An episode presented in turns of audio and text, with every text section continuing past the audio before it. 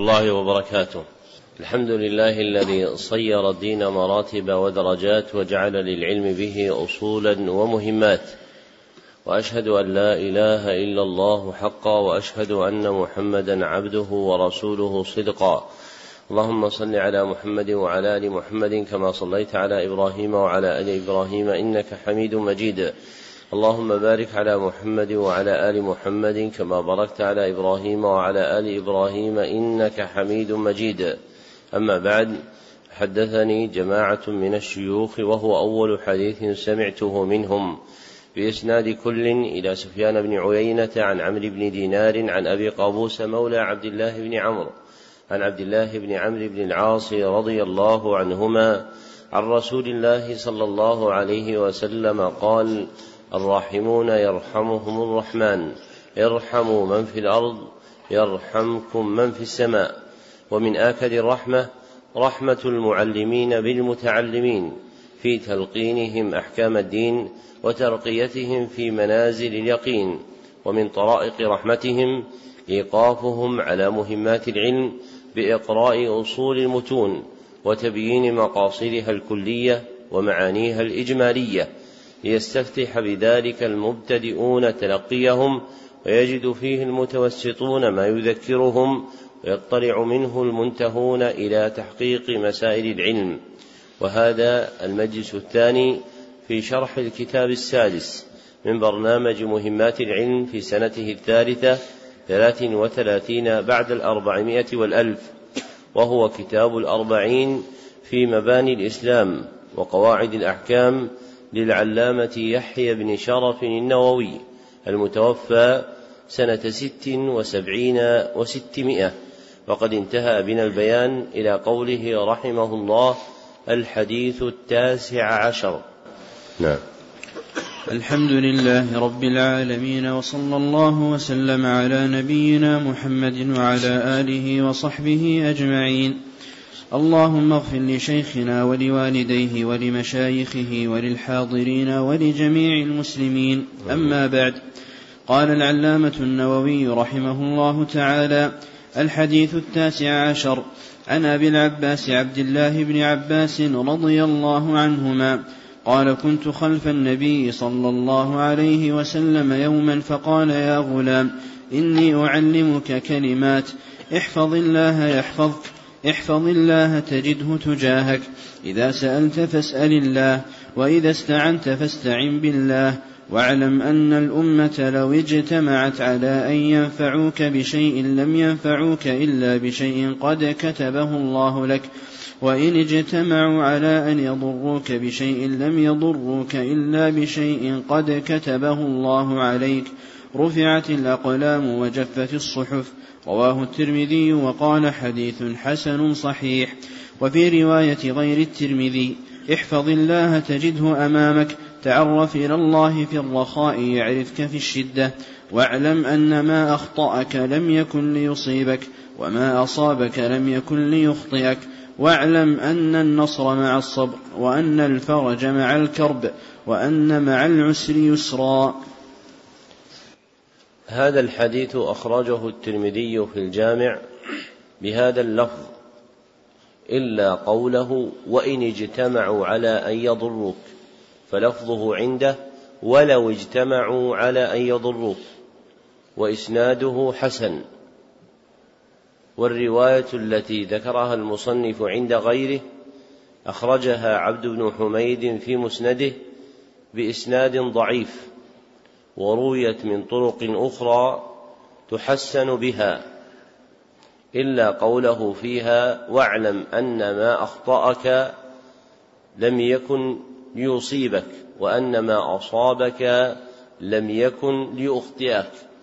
فإن هذه الجملة لا تروى في وصية النبي صلى الله عليه وسلم ابن عباس من وجه يثبت وإنما رويت في أحاديث أخرى ثابتة عن النبي صلى الله عليه وسلم وقوله فيه احفظ الله أي احفظ أمره وأمر الله نوعان. أحدهما أمر الله الكوني وحفظه بالصبر على ما يجري من الأقدار. والثاني أمر الله الشرعي. وحفظه بتصديق الخبر وامتثال الطلب. بتصديق الخبر وامتثال الطلب. وبين النبي صلى الله عليه وسلم جزاء من حفظ أمر الله فقال يحفظك. وفي الرواية الأخرى تجده تجاهك. وفي الرواية الثالثة أمامك فمن حفظ أمر الله عز وجل حظي بنوعين من الجزاء أحدهما تحصيل حفظ الله له تحصيل حفظ الله له والآخر تحصيل نصر الله وتأييده. والفرق بينهما أن الأول من باب الوقاية والثاني من باب الرعاية وقوله فيه رفعت الأقلام وجفت الصحف أي ثبتت المقادير وفرغ منها وأشير إلى الفراغ منها برفع الأقلام التي كتب بها القدر وجفاف الحبر الذي جرت به تلك الأقلام. وقوله تعرف إلى الله في الرخاء يعرفك في الشدة مشتمل على عمل وجزاء. فأما العمل فمعرفة العبد ربه. وأما الجزاء فمعرفة الرب عبده.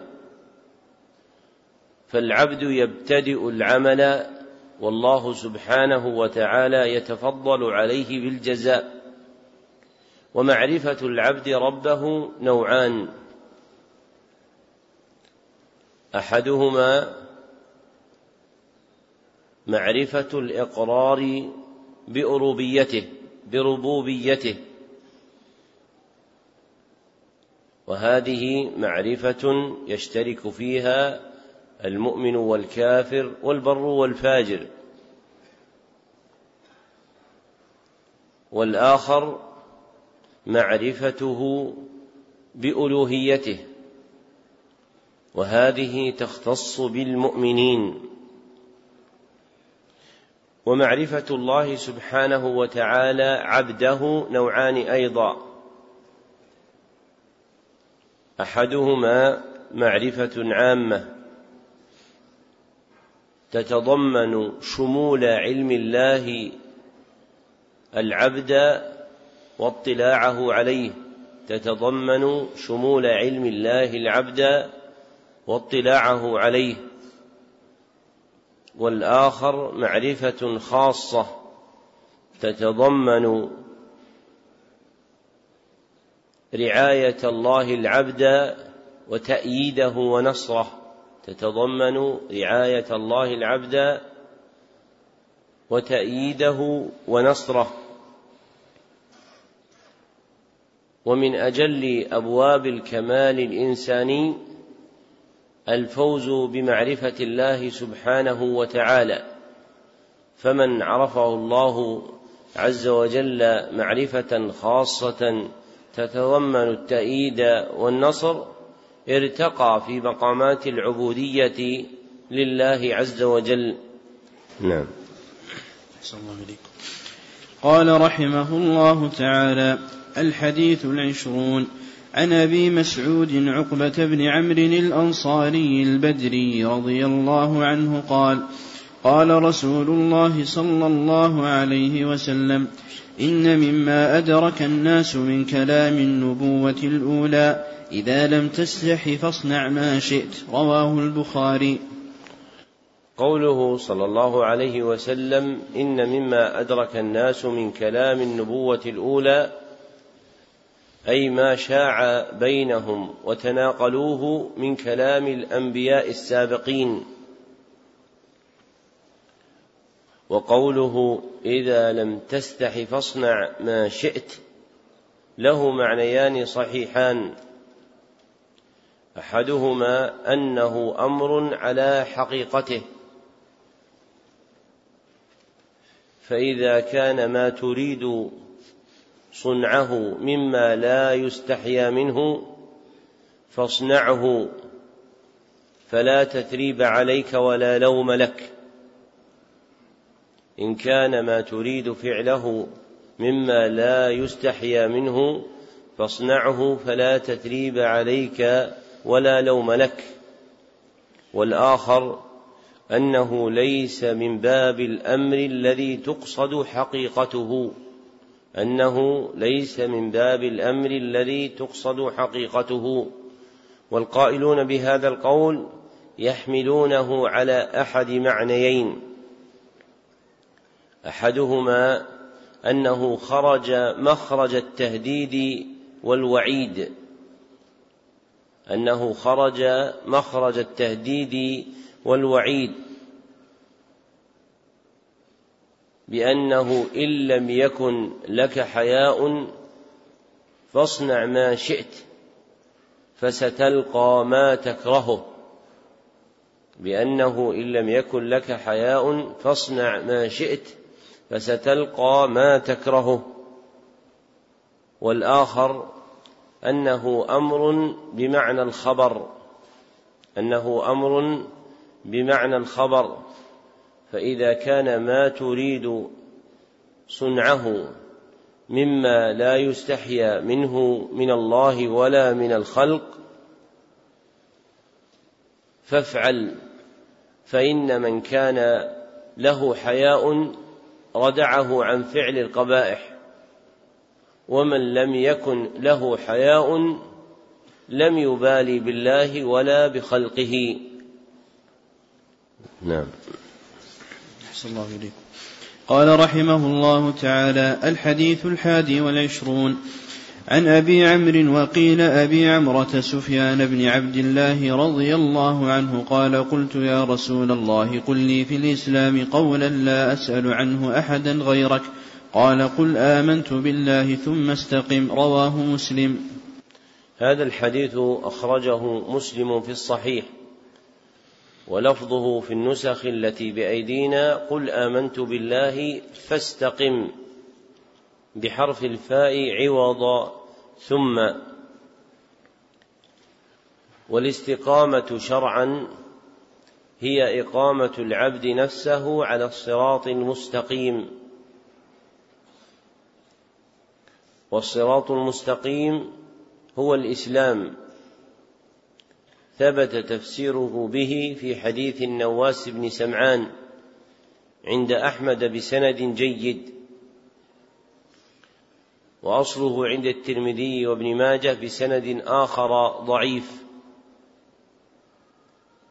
فالمستقيم هو المقيم على شعائر الإسلام باطنا وظاهرا. نعم. الله عليكم قال رحمه الله تعالى الحديث الثاني والعشرون. عن جابر بن عبد الله الأنصاري رضي الله عنهما أن رجلا سأل رسول الله صلى الله عليه وسلم فقال أرأيت إذا صليت الصلوات المكتوبات وصمت رمضان وأحللت الحلال وحرمت الحرام ولم أزد على ذلك شيئا أأدخل الجنة؟ قال نعم رواه مسلم. ومعنى حرمت الحرام اجتنبته ومعنى أحللت الحلال فعلته معتقدا حلة. قوله وأحللت الحلال أي اعتقدت حله. وقيد الفعل الذي ذكره المصنف فيه نظر لتعذر الإحاطة بأفراد الحلال فيكفي في ثبوت تحليل الحلال اعتقاده ولو لم يحط العبد به فعلا لتكاثر أفراد الحلال. وقوله وحرمت الحرام أي اعتقدت حرمته مع اجتنابه فلا بد من الجمع بين أمرين أحدهما اعتقاد حرمته والآخر اجتناب فعله. وخصه المصنف بالاجتناب دون الاعتقاد وفي ذلك قصور بل لا بد من الاجتناب مع اعتقاد الحرمة إذ قد يقع اجتناب المحرم عادة فلا بد من اعتقاد يبين أن مقصد الترك هو إجابة داعي الله في اعتقاد كون ما حرمه محرم. وأهمل ذكر الزكاة والحج في الحديث وهما من أجل شرائع الإسلام بالنظر إلى حال السائل. فقد علم النبي صلى الله عليه وسلم من حاله أنه لا مال له تجري فيه الزكاة ولا استطاعة له على الحج. فلم يذكر النبي صلى الله عليه وسلم له الزكاة والحج وإنما قنع بما أخبر به الرجل عن أعماله. وقوله ولم أزد على ذلك شيئا أأدخل الجنة؟ قال نعم. فيه بيان أن الأعمال المذكورة من موجبات الجنة. بيان أن الأعمال المذكورة من موجبات الجنة بحسب اجتماع شروطها وانتفاء موانعها على ما هو مقرر في محله عند أهل العلم. نعم. أحسن الله إليكم قال رحمه الله تعالى الحديث الثالث والعشرون. عن ابي مالك الحارث بن عاصم الأشعري رضي الله عنه قال قال رسول الله صلى الله عليه وسلم الطهور شطر الإيمان والحمد لله تملأ الميزان وسبحان الله والحمد لله تملأان أو تملأ ما بين السماوات والأرض. والصلاة نور والصدقة برهان والصبر ضياء والقرآن حجة لك وعليك كل الناس يغدو فبائع نفسه فمعتقها أو موبقها رواه مسلم قوله صلى الله عليه وسلم الطهور شطر الإيمان بضم الطاء من الطهور يراد به فعل الطهارة أي التطهر والشطر هو النصف واختلف بالمراد بالطهور على قولين. أحدهما أن المراد بالطهارة هنا الطهارة الحسية المعروفة عند الفقهاء والآخر أن المراد بالطهارة هنا الطهارة المعنوية. التي يذكرها المتكلمون في السلوك والرقائق وهي التخلي من الذنوب والمعاصي. وجاء التصريح في بعض الروايات بما يدل على أن الطهارة المرادة في الحديث هي الطهارة الحسية. وجرى عليه تبويب الأئمة الحفاظ فأدخلوه في كتاب الطهارة. منهم مسلم بن الحجاج والنسائي وأبو عبد الله بن ماجه رحمهم الله. فالراجح أن الطهور المراد في الحديث هو الطهارة الحسية. وفي بيان كونها شطرا قولان. أحدهما أن المراد بقوله صلى الله عليه وسلم شطر الإيمان أي شطر الصلاة. فالإيمان هنا الصلاة عبر عنه بعمل من أجل أعماله. ونظيره قوله تعالى وما كان الله ليضيع إيمانكم فإن الإيمان في الآية كما يعلم من سبب النزول في حديث البراء في الصحيحين هو الصلاة. والقول الثاني أن المراد بالإيمان شرائع الدين فإن الإيمان اسم للدين كله. فتكون الطهارة الحسية مطهرة للظاهر وبقية شرائع الإيمان مطهرة للباطن. فتكون الطهارة الحسية مطهرة للظاهر بالوضوء والغسل وما ينوب عنهما وهو التيمم. وتكون الطهارة وتكون الطهارة وتكون بقية الأعمال مطهرة للباطن. والتحقيق أن المراد بالإيمان هنا هو شرائع الدين. لا الصلاة فيكون معنى الحديث أن الطهارة الحسية تطهر الظاهر وبقية أعمال الدين تطهر الباطن. أن الطهارة الحسية تطهر الظاهر وأن الطهارة المعنوية تطهر وأن بقية شرائع الإيمان والدين تطهر الباطن. ما الدليل على ترجيح هذا من القولين؟ ما الدليل على أن الطهارة الحسية لا تبلغ شطر الإيمان يعني شطر الصلاة؟ أي ما زل لا ليس سياق الحديث. عن سلطان. حديث علي رضي الله عنه في السنن الطهور مفتاح الصلاة فجعله مفتاحا لها والمفتاح للشيء لا يبلغ كونه شطرا.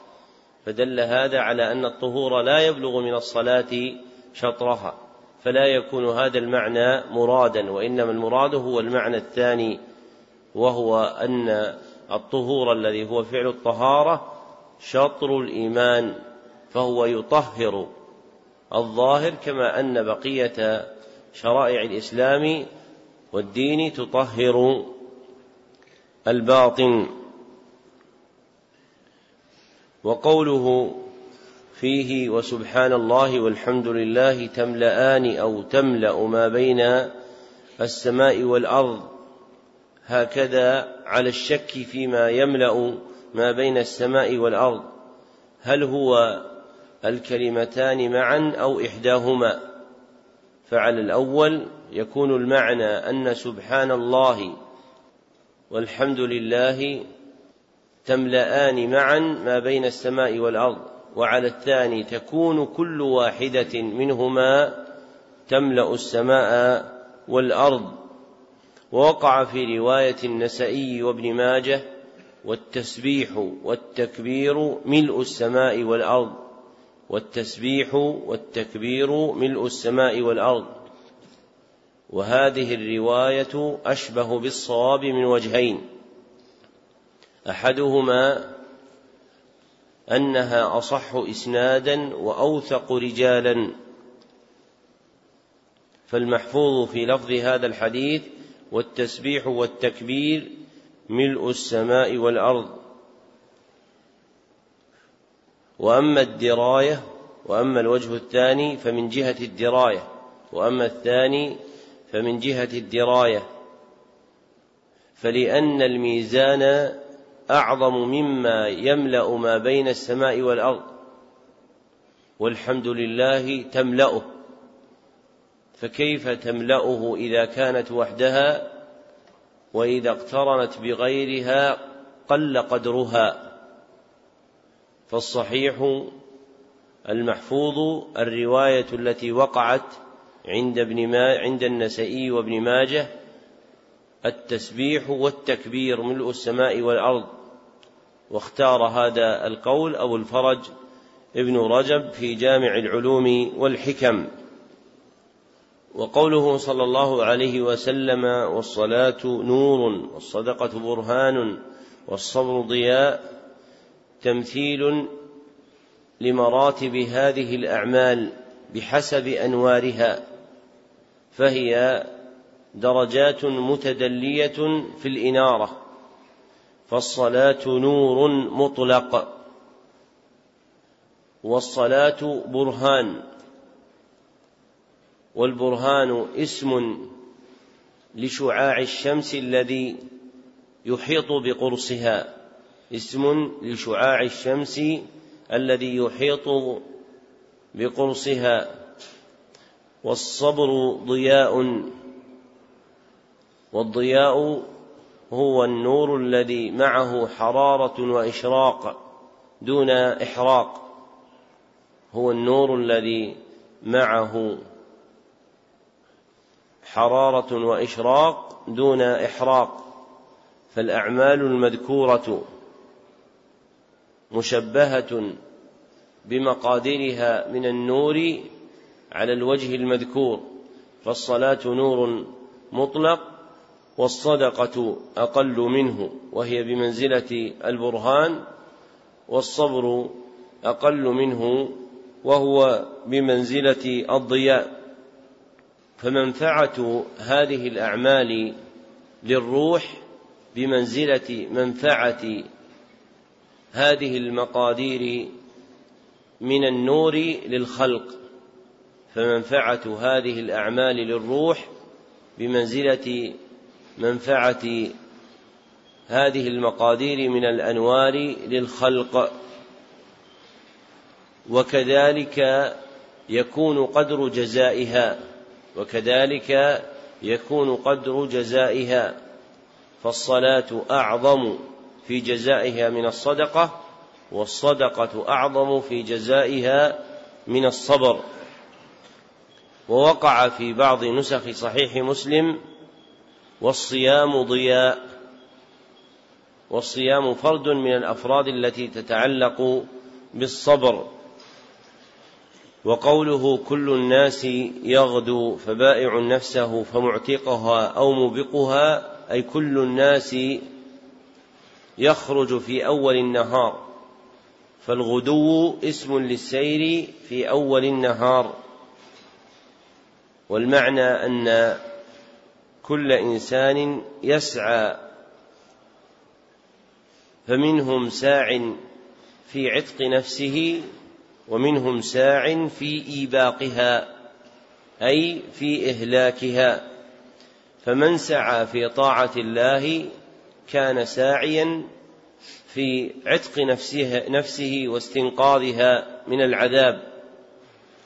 ومن سعى في إيباقها استحق عذاب الله سبحانه وتعالى. نعم. قال رحمه الله تعالى الحديث الرابع والعشرون.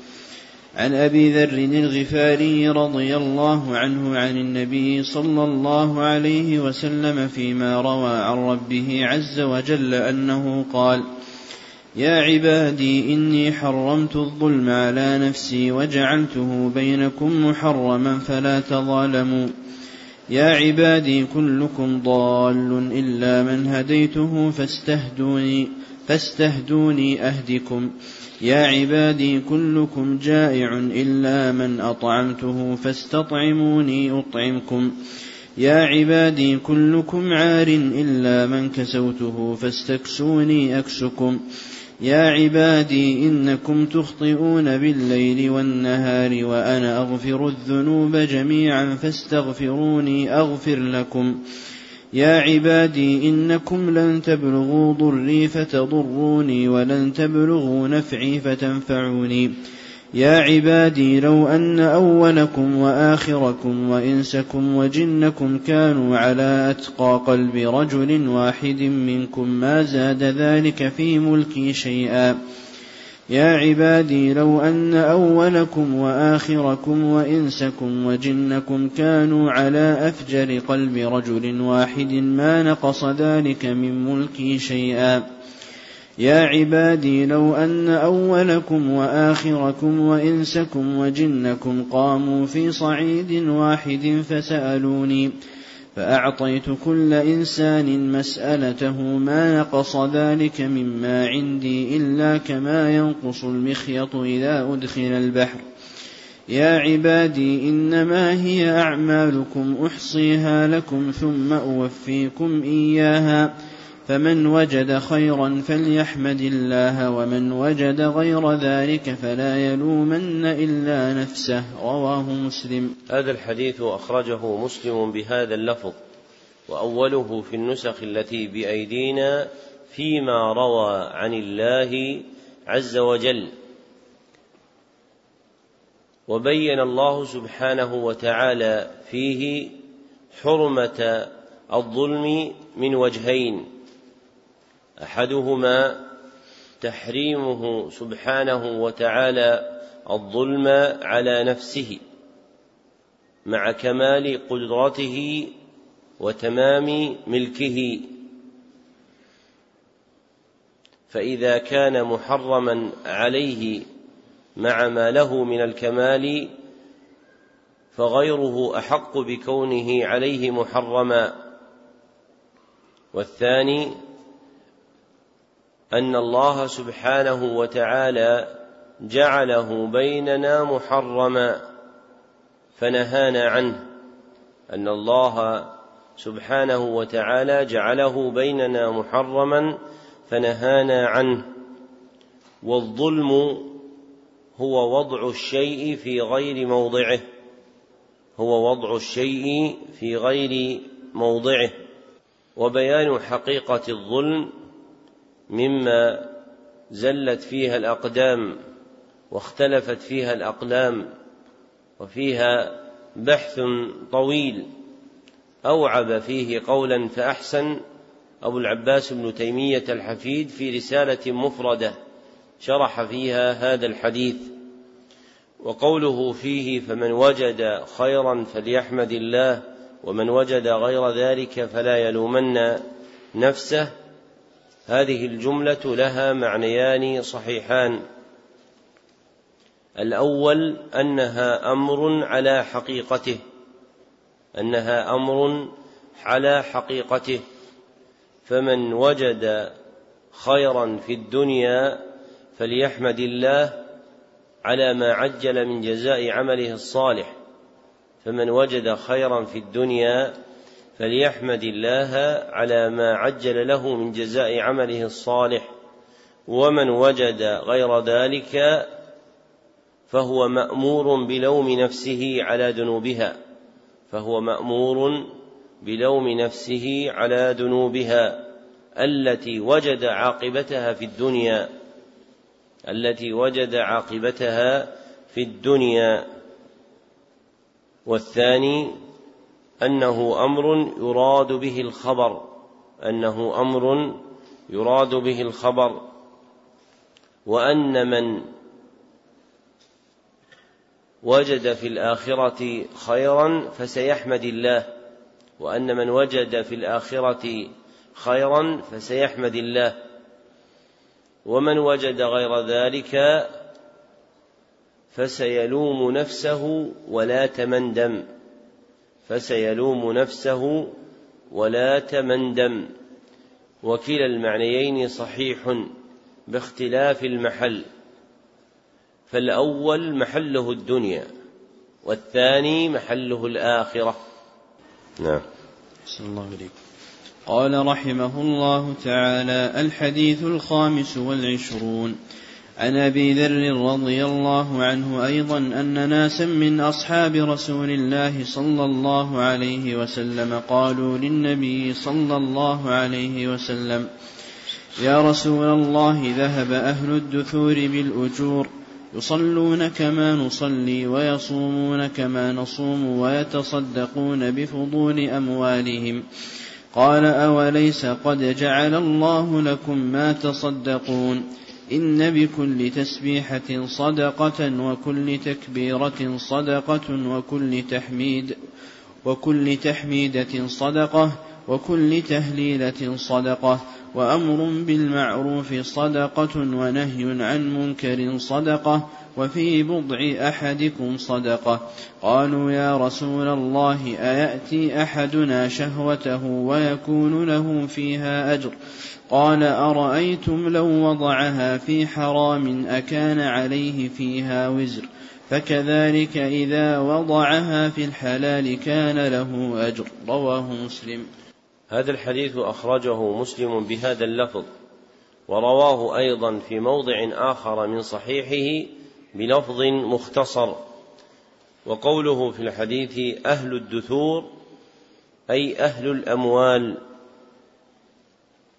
وقوله أوليس قد جعل الله لكم ما تصدقون إن بكل تسبيحة صدقة الحديث فيه بيان أن الصدقة شرعا اسم جامع لجميع أنواع المعروف والإحسان اسم جامع لجميع أنواع المعروف والإحسان فهي تتضمن إيصال ما ينفع إلى الغير.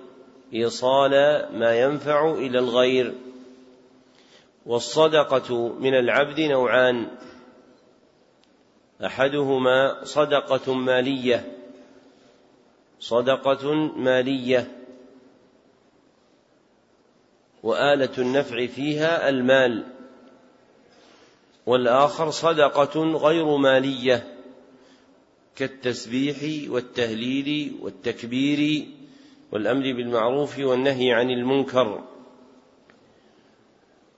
وقوله في الحديث وفي بضع أحدكم صدقة البضع كلمة يكنى بها عن الفرج ويطلق على الجماع أيضا وكلاهما مما تصح إرادته هنا.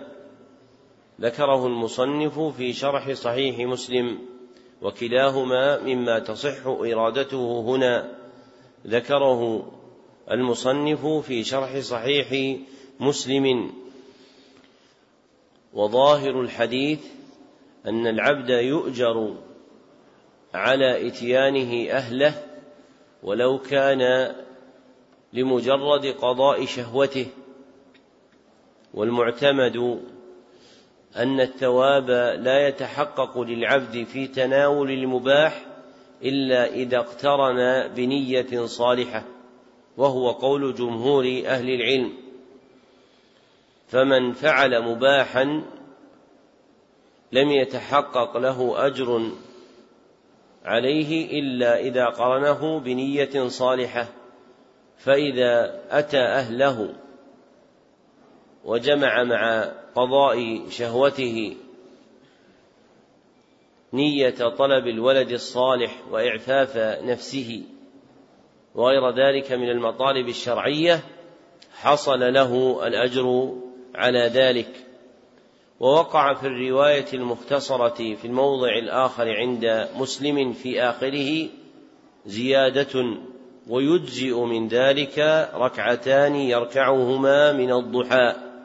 ويجزئ من ذلك ركعتان يركعهما من الضحى.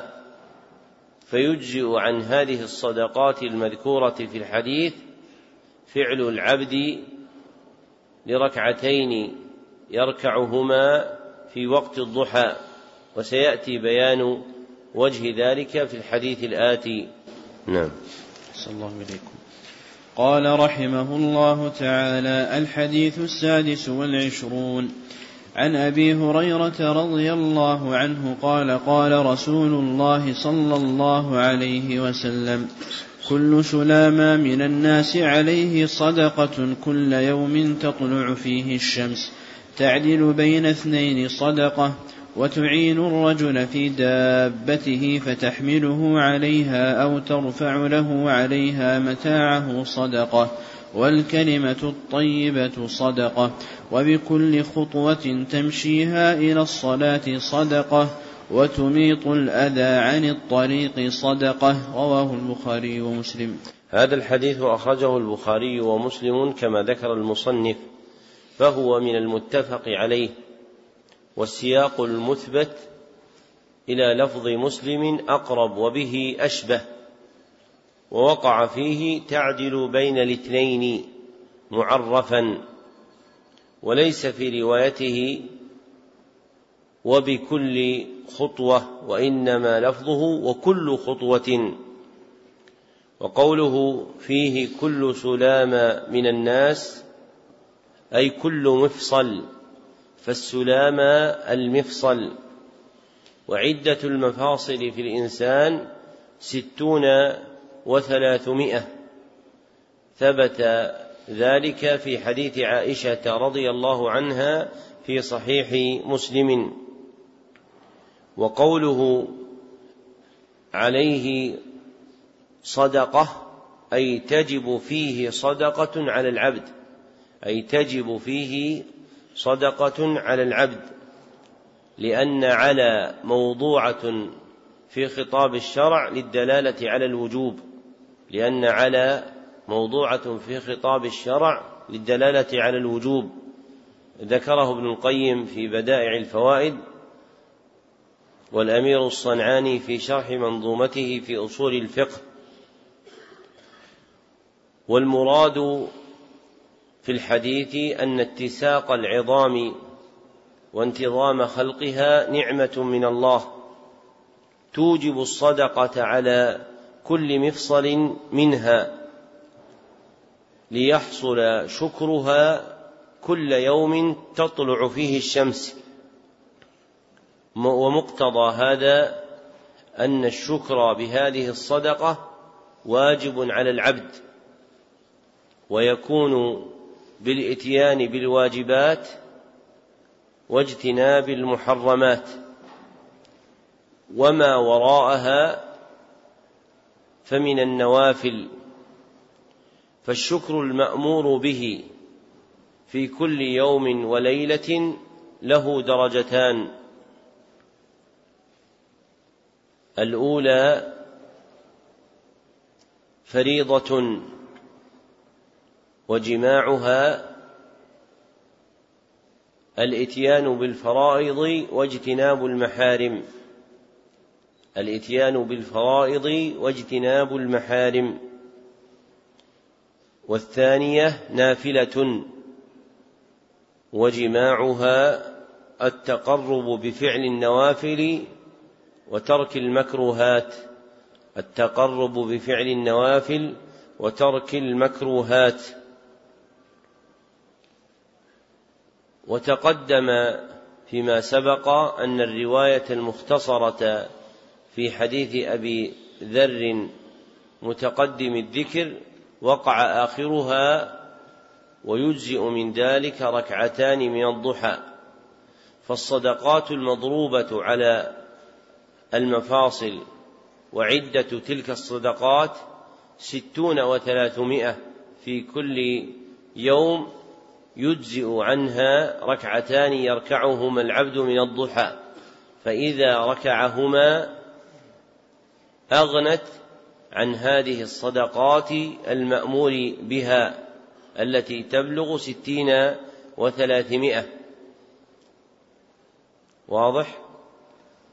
يعني معنى ويجزئ عن ذلك يعني يكفي عن الصدقات التي على كل مفصل والمفاصل ستون وثلاثمائة. فتكون الصدقة التي تؤمر بها في كل يوم ستون وثلاثمائة صدقة. ويجزئ عن ذلك أن تركع ركعتين من الضحى. فإذا ركعت ركعتين من الضحى جئت بهذه الصدقات. من منا يا أخوان يتصدق ستين وثلاثمائة في اليوم؟ هذا من فضل الله عز وجل أن العبد يركع ركعتين فيكون قد جاء بما يبلغ قدره من الصدقات ستون وثلاثمائة. طيب لماذا كانت الركعتان مجزئتان مجزئتين عن هذه الصدقات؟ لا خلي خلفك. لا الركعتين. لماذا الركعتين؟ أحسنت. لأن العبد إذا ركع ركعتين فقد حرك فيهما جميع مفاصله فأصاب في ذلك كل مفصل حظه من الصدقة حظه من الصدقة. واختير وقت الضحى دون غيره لأن وقت الضحى وقت غفلة. ومن قواعد الشريعة أن العمل يعظم قدره إذا وقع في وقت غفلة. أن العمل يعظم قدره إذا وقع في وقت غفلة. نعم. الله إليكم. قال رحمه الله تعالى الحديث السابع والعشرون. عن النواس بن سمعان رضي الله عنه عن النبي صلى الله عليه وسلم قال البر حسن الخلق والإثم ما حاك في نفسك وكرهت أن يطلع عليه الناس. رواه مسلم. وعن وابصة بن وعن وابصة بن معبد رضي الله عنه قال أتيت رسول الله صلى الله عليه وسلم فقال جئت تسأل عن البر؟ قلت نعم. قال استفت قلبك. البر ما اطمأنت إليه النفس واطمأن إليه القلب والإثم ما حاك في النفس وتردد في الصدر وإن أفتاك الناس وأفتوك. حديث حسن. رويناه في مسندي الإمامين أحمد بن حنبل والدارمي بإسناد حسن. هذه الترجمة الحديث السابع والعشرون تشتمل على حديثين لا حديث واحد وبإدراجهما صارت عدة أحاديث الكتاب باعتبار تراجمه اثنين وأربعين حديثا وباعتبار تفصيلها فهي ثلاثة وأربعون حديثا. فأما الحديث الأول منهما وهو حديث النواس فهو عند مسلم في صحيحه بهذا اللفظ. ووقع في رواية له الإثم ما حاك في صدرك. وأما حديث وابصة فرواه أحمد في المسند والدارمي في المسند له بإسناد ضعيف. ورواه الطبراني في المعجم الكبير والبزار في مسنده من وجه آخر لا يثبت أيضا لكن له شاهد عند الطبراني في المعجم الكبير من حديث أبي ثعلبة الخشني بإسناد حسن فيتقوى بهذا الشاهد.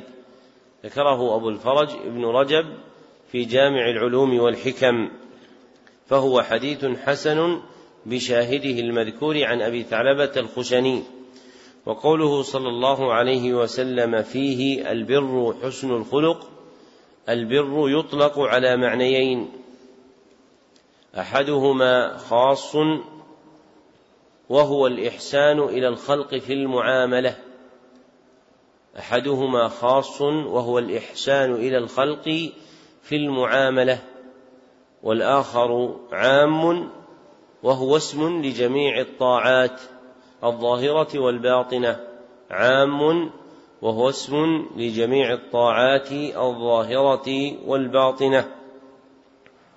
فيشمل المعنى الأول وزيادة وتقدم قبل أن الخلق يقع على هذين المعنيين أيضا. وفي هذه الجملة بيان حقيقة البر وسيأتي في حديث وابصة بيان أثره وثمرته. ويقابل البر الإثم وله مرتبتان. الأولى ما حاك في النفس وتردد في القلب. ما حاك في النفس وتردد في القلب وكرهت أن يطلع الناس عليه. لاستنكارهم له وكرهت أن يطلع الناس عليه لاستنكارهم له. وهذه المرتبة مذكورة في حديث النواس ووابصة رضي الله عنهما معا.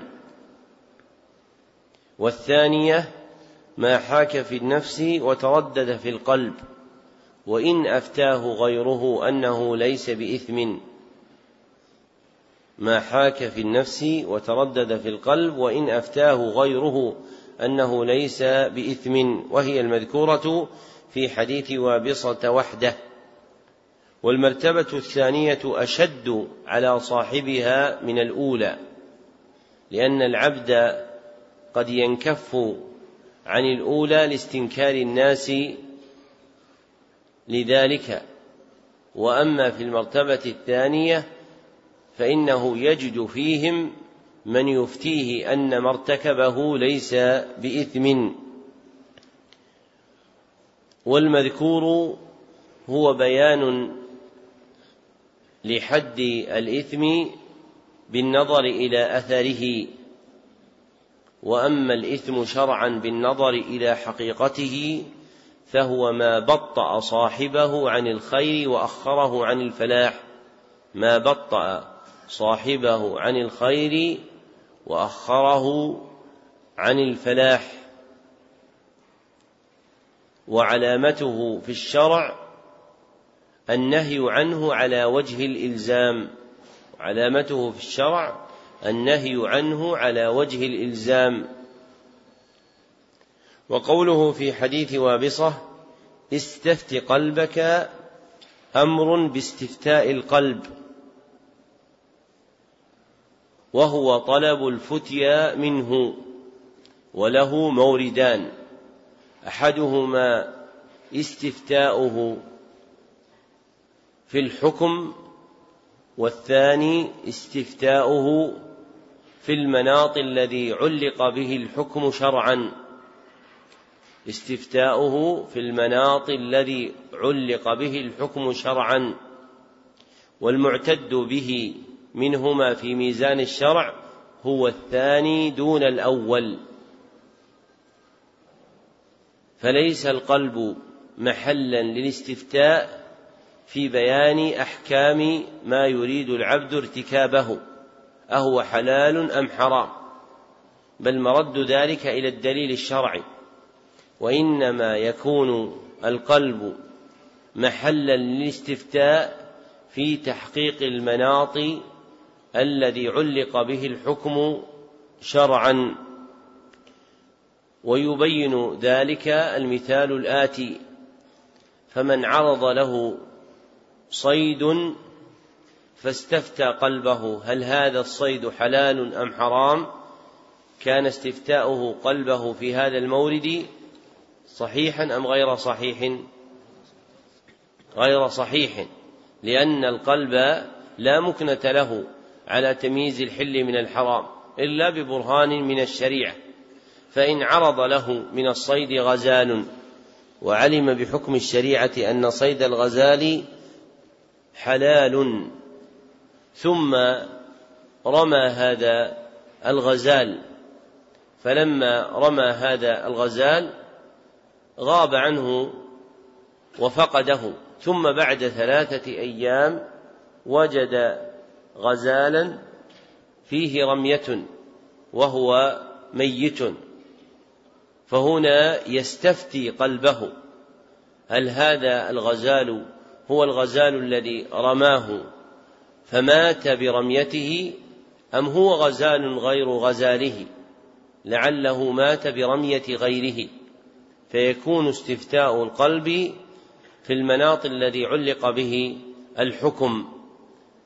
فيعتد به حينئذ. والمأذون له باستفتاء قلبه في تحقيق مناط الحكم هو من كمل إيمانه واستقام دينه. فليس استفتاء القلب في تحقيق مناط الحكم حقا لكل أحد لعدم أمن العبد على نفسه. وإنما يعول عليه من كان مستقيم الدين واثقا من صدق إرادته فيما يستفتي فيه قلبه. فيكون استفتاء القلب مشروط بشرطين. أحدهما أن يكون الاستفتاء في المناط الذي علق به الحكم الشرعي لا في الحكم نفسه. أن يكون الاستفتاء في المناط الذي علق به الحكم الشرعي لا في الحكم نفسه والثاني أن يكون مستفتيه مطمئنا إلى إيمانه عارفا صدق نفسه في طلب الحكم. وقوله في الحديث البر ما اطمأنت إليه النفس واطمأن إليه القلب تفسير للبر باعتبار أثره وأنه يحدث في النفس سكونا وفي الصدر انشراحا. وقوله وإن أفتاك الناس وأفتوك معناه أن ما حاك في نفسك وتردد في قلبك فهو إثم. وإن أفتيت أنه ليس بإثم. معناه أن ما حاك في نفسك وتردد في قلبك فهو إثم وإن أفتيت أنه ليس بإثم. وهذا مشروط بأمرين.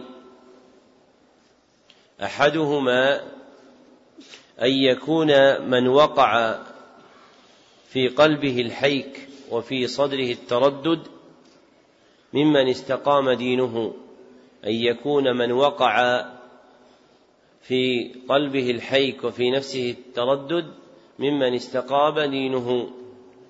والثاني أن يكون مفتيه ممن شهر بالإفتاء بموافقة الأهواء أن يكون مفتيه ممن شهر بموافقة الأهواء.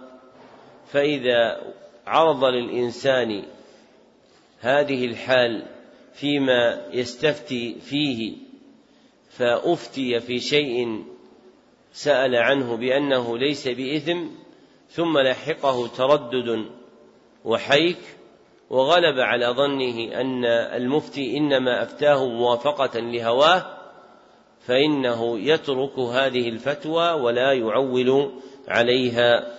نعم. أحسن الله بليك. قال رحمه الله تعالى الحديث الثامن والعشرون.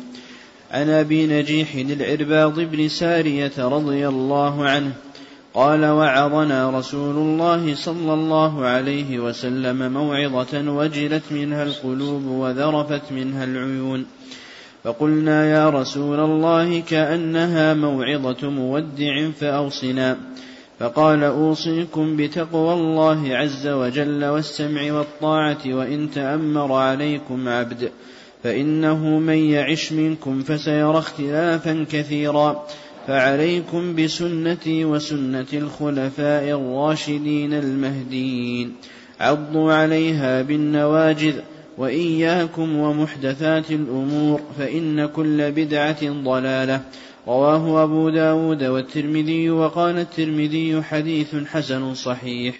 هذا الحديث أخرجه أبو داود والترمذي كما عزاه إليهما المصنف وأخرجه ابن ماجه أيضا فكان ينبغي تتميما للعزو أن يعزوه إليه جريا على القاعدة المشهورة عند أهل العلم أن ما كان في واحد من كتب أن ما كان في أكثر من واحد من كتب السنن عزي إلى ما فيها فهذا الحديث في ابن ماجه فكان ينبغي تتميم ذلك بعزوه إليه. وليس هذا الحديث بهذا السياق عند أحد من أصحاب السنن بل مؤلف من مجموع رواياتهم وهو حديث صحيح من أجود حديث أهل الشام. وهذا الحديث مؤلف من شيئين. أحدهما موعظة وجلت منها القلوب وذرفت منها العيون ووجل القلب رجفانه وانصداعه عند ذكر من يخاف سلطانه رجفانه وانصداعه عند ذكر من يخاف سلطانه وعقوبته. ذكره ابن القيم في مدارج السالكين وذرف العين جريان الدمع منها وذرف العين جريان الدمع منها. ولم يات في شيء من طرق الحديث ذكر لفظ هذه الموعظة بل وقعت مجملة مدلولا عليها بالأثر الناشئ منها. والآخر وصية عظيمة أرشد إليها الرسول صلى الله عليه وسلم وهي تجمع أربعة أصول. الأول تقوى الله وحقيقتها جعل العبد بينه وبين الله وقاية بامتثال خطاب الشرع. جعل العبد بينه وبين الله وقاية بامتثال خطاب الشرع. وتقوى الله هي الفرد الأعظم من التقوى فإن التقوى تتضمن تقوى الله وتقوى عذابه وتقوى يوم جزائه وغير ذلك مما جاء في الأدلة الأمر باتقائه. وتقوى الله منها حقيقتها اتخاذ العبد بقاية بينه وبين الله بامتثال خطاب الشرع. والثاني السمع والطاعة لمن ولاه الله أمرنا. السمع والطاعة لمن ولاه الله أمرنا. ولو كان المتأمر عبدا مملوكا في أصله يأنف الأحرار حال الاختيار من الانقياد له. والفرق بين السمع والطاعة أن السمع هو القبول.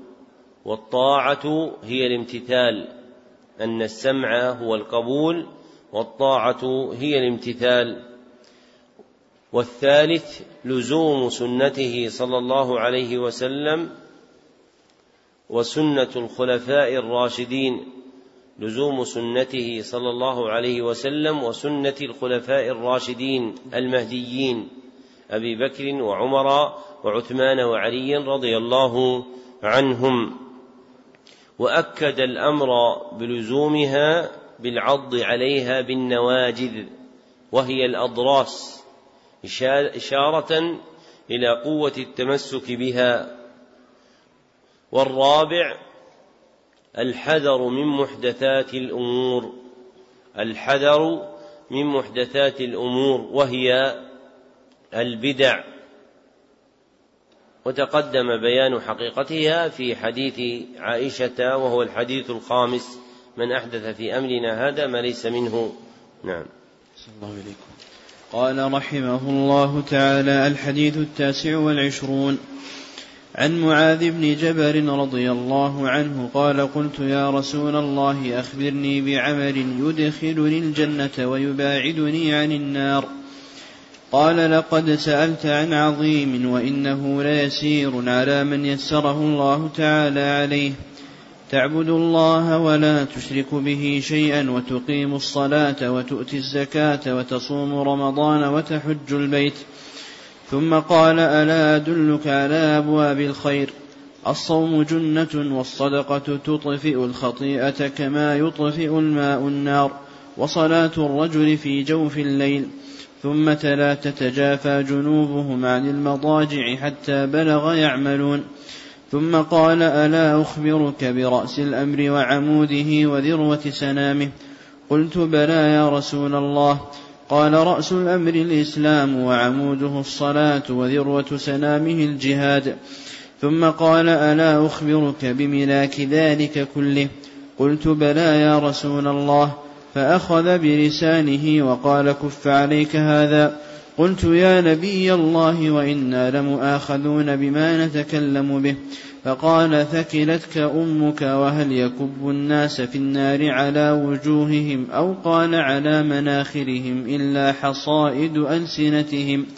رواه الترمذي وقال حديث حسن صحيح. هذا الحديث أخرجه الترمذي في جامعه وأخرجه أيضا ابن ماجه من أصحاب الكتب الستة بإسناد ضعيف وروي من وجوه أخرى لا يسلم شيء منها من الضعف وهو بمجموعها مرتق إلى التحسين عند جماعة من أهل العلم واللفظ المذكور إلى لفظ الترمذي أقرب وهو حديث عظيم جليل. ذكر فيه النبي صلى الله عليه وسلم أمات الفرائض والنوافل.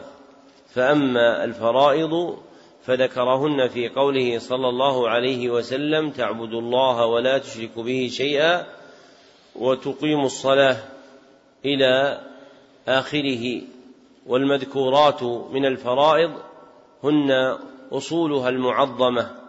المذكورة باسم أركان الإسلام المتقدمة في حديث ابن عمر بني الإسلام على خمس. وأما النوافل فذكرهن في قوله صلى الله عليه وسلم ألا أدلك على أبواب الخير؟ وأبواب الخير التي مدحت نوافلها في هذا الحديث ثلاثة. أولها الصوم المذكور في قوله الصوم جنة والجنة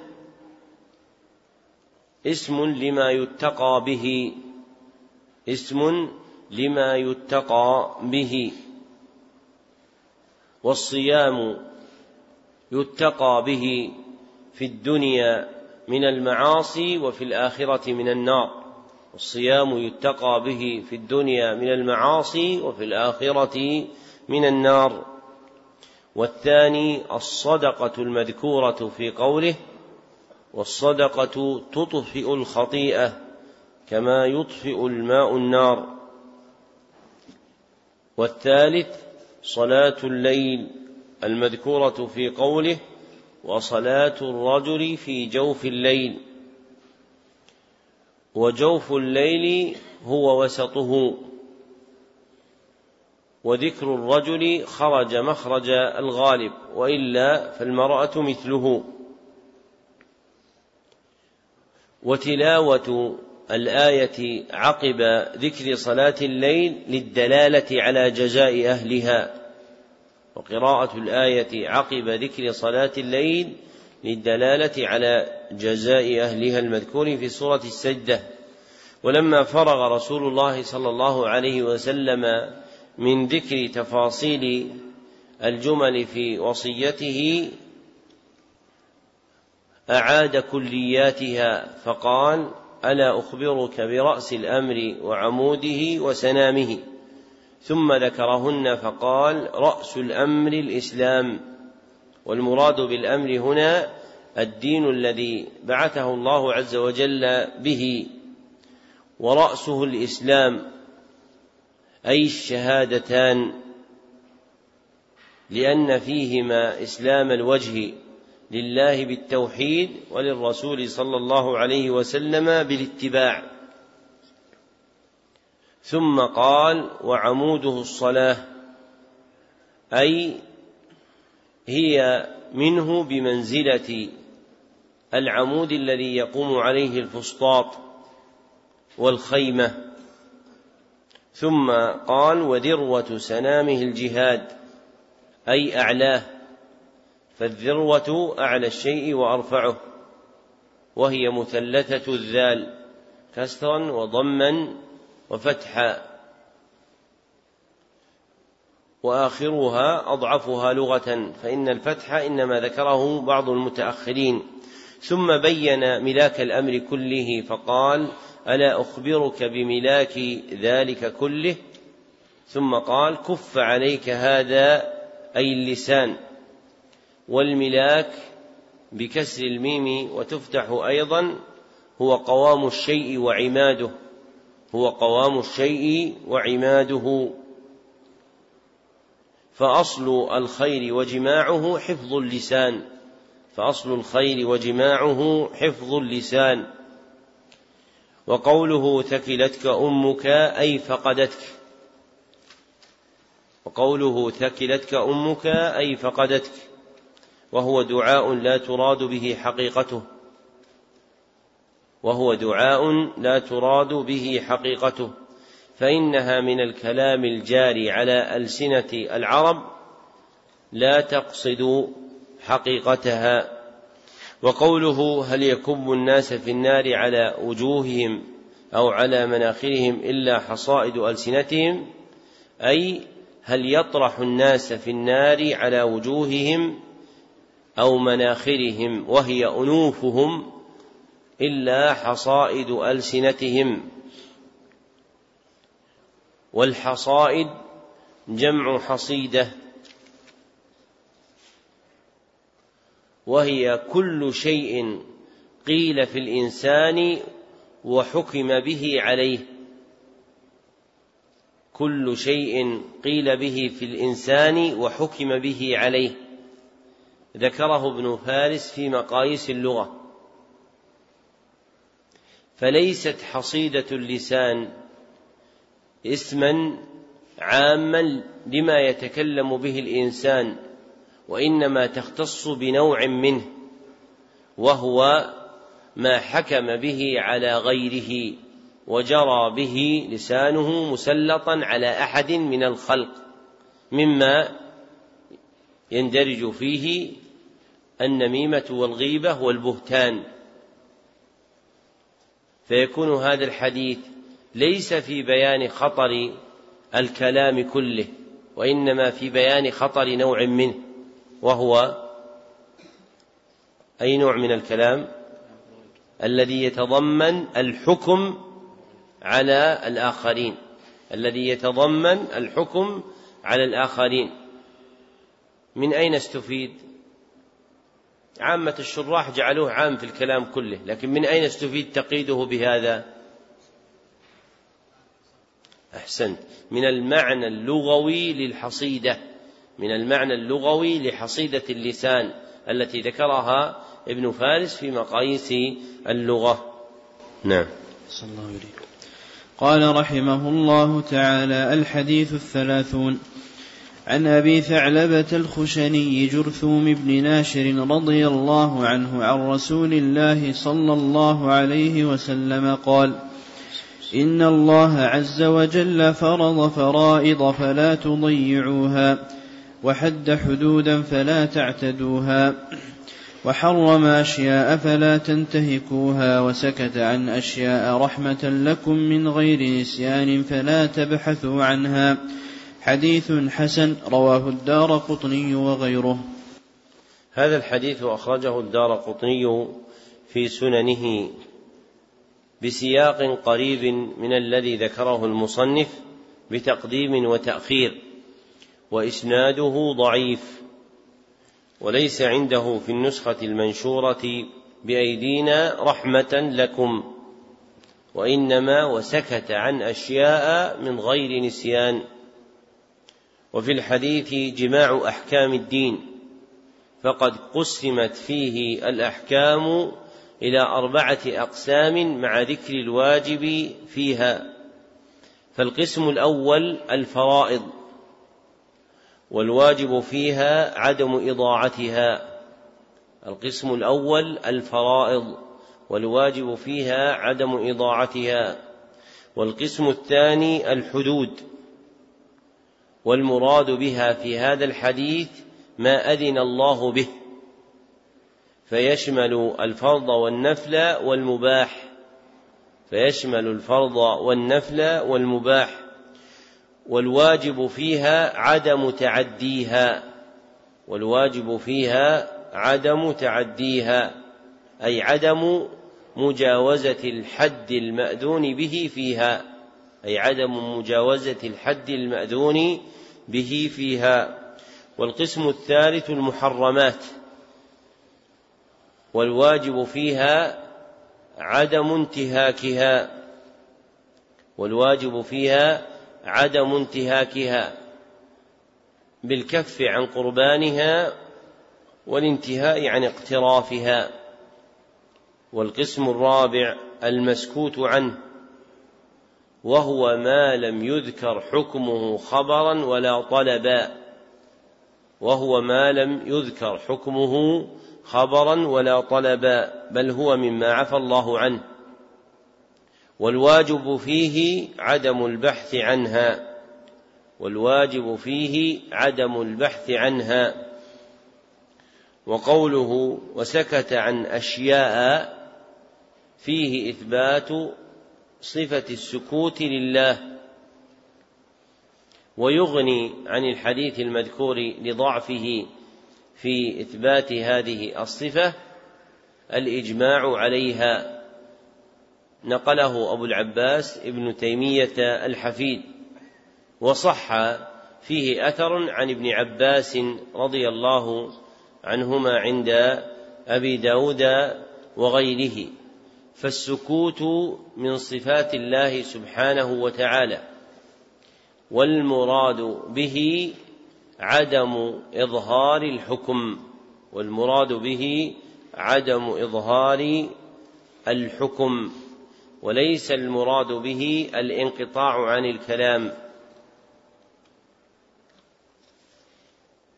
وموجب حمله على المعنى الأول دون الثاني رعاية السياق الذي ورد فيه ذكر هذه الصفة من الأحاديث والآثار.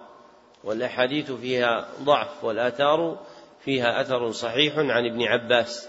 فسياق ما جاء في النصوص ما جاء في المنقول يدل على أن المراد بالسكوت ها هنا هو عدم إظهار الحكم لا الانقطاع عن الكلام.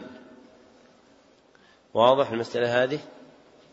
العرب عندهم السكوت معناه الانقطاع معناه الانقطاع ولذلك آخر الخيل في الحلبة السكيت لأنه ينقطع بعده العد لمن يفوز. السكيت عندهم العاشر. فالعاشر لا, لا بعده أحد ممن ينسب إلى الظفر. فالظفر ينسب إلى العشرة. وهذا أصل العشرة الأوائل الموجود عند الناس. هو مبني عن على أصل عربي تناقلوه. ثم نقل من حلبة السباق للخيل التي تعرفها العرب إلى المسابقات التي يعرفونها اليوم. فعد المسابقين الفائزين عند العرب ينتهي إلى عشرة. وسموا عاشر الخيل سكيتا لانقطاع العد بعده فالسكوت عندهم هو الانقطاع. ومن الانقطاع الانقطاع عن بيان الحكم وهو المراد في هذا الحديث. لا الانقطاع عن الكلام فإن هذا المعنى وهو الانقطاع عن الكلام لا يعرف التصريح به في شيء من الأدلة وإنما يقال يتكلم الله إذا شاء ولا يتكلم الله إذا شاء. وأهل السنة مجمعون على المعنى لكن مختلفون في اللفظ الذي يدل به على المعنى. والموافق للنصوص أن يقال يتكلم إذا شاء ولا يتكلم إذا شاء. ولا نقول ولا يسكت إذا شاء. لأن السكوت الذي بمعنى انقطاع الكلام لم يأتي صفة لله وإنما الذي أتى صفة لله عز وجل هو عدم إظهار الحكم الشرعي. نعم. أحسن الله إليكم. قال رحمه الله تعالى الحديث الحادي والثلاثون. عن أبي العباس سهل بن سعد الساعدي رضي الله عنه قال جاء رجل إلى النبي صلى الله عليه وسلم فقال يا رسول الله دلني على عمل إذا أنا عملته أحبني الله وأحبني الناس. فقال ازهد في الدنيا يحبك الله وازهد فيما عند الناس يحبك الناس. حديث حسن رواه ابن ماجه وغيره بأسانيد حسنة. هذا الحديث أخرجه ابن ماجه في سننه وأوله عنده أتى النبي صلى الله عليه وسلم رجل وإسناد ابن ماجه ضعيف جدا. وروي هذا الحديث من وجوه أخرى لا يثبت منها شيء فتحسينه بعيد. والزهد في الدنيا شرعا الرغبة عما لا ينفع في الآخرة. الرغبة عما لا ينفع في الآخرة. وهذا معنى قول أبي العباس بن تيمية الحفيد الزهد ترك ما لا ينفع في الآخرة. ويندرج تحت هذا الوصف أربعة أشياء. ويندرج تحت هذا الوصف أربعة أشياء. أولها المحرمات. وثانيها المكروهات. وثالثها المشتبهات لمن لا يتبينها. المشتبهات لمن لا يتبينها. ورابعها فضول المباحات وهو ما زاد على حاجة العبد وهو ما زاد عن حاجة العبد من المباح. ويستفاد من ذلك أن الزهد له درجتان الأولى درجة واجبة تتضمن الرغبة عن المحرمات والمشتبهات لمن لا يتبينها. درجة واجبة. تتضمن الرغبة عن المحرمات وعن المشتبهات لمن لا يتبينها. والثانية درجة مستحبة. تتضمن الرغبة عن المكروهات وفضول المباحات. تتضمن الرغبة عن المكروهات وفضول المباحات ويعلم منه أن الزهد غير غير متعلق بالمباح أن الزهد غير متعلق بالمباح ولا يقدح في زهد العبد تناوله لما أباحه الله عز وجل له إلا أن يزيد عن حاجته الموافقة لحاله فإن زاد على المباح ووقع فضوله ووقع في فضوله عيب عليه ذلك. والزهد مما في أيدي الناس من جملة الزهد في الدنيا وأفرد بالذكر لاختلاف الأثر الناشئ منه. والزهد مما بأيدي الناس من جملة الزهد في الدنيا وأفرد بالذكر لاختلاف الأثر الناشئ عنه. فالزهد فيما في أيدي الناس يورث العبد محبتهم.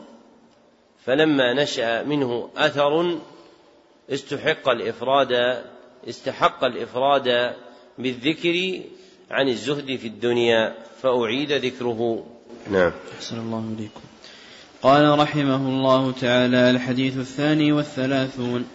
عن أبي سعيد سعد بن مالك بن سنان الخدري رضي الله عنه أن رسول الله صلى الله عليه وسلم قال لا ضرر ولا ضرار حديث حسن رواه ابن ماجه والدار قطني وغيرهما مسندا.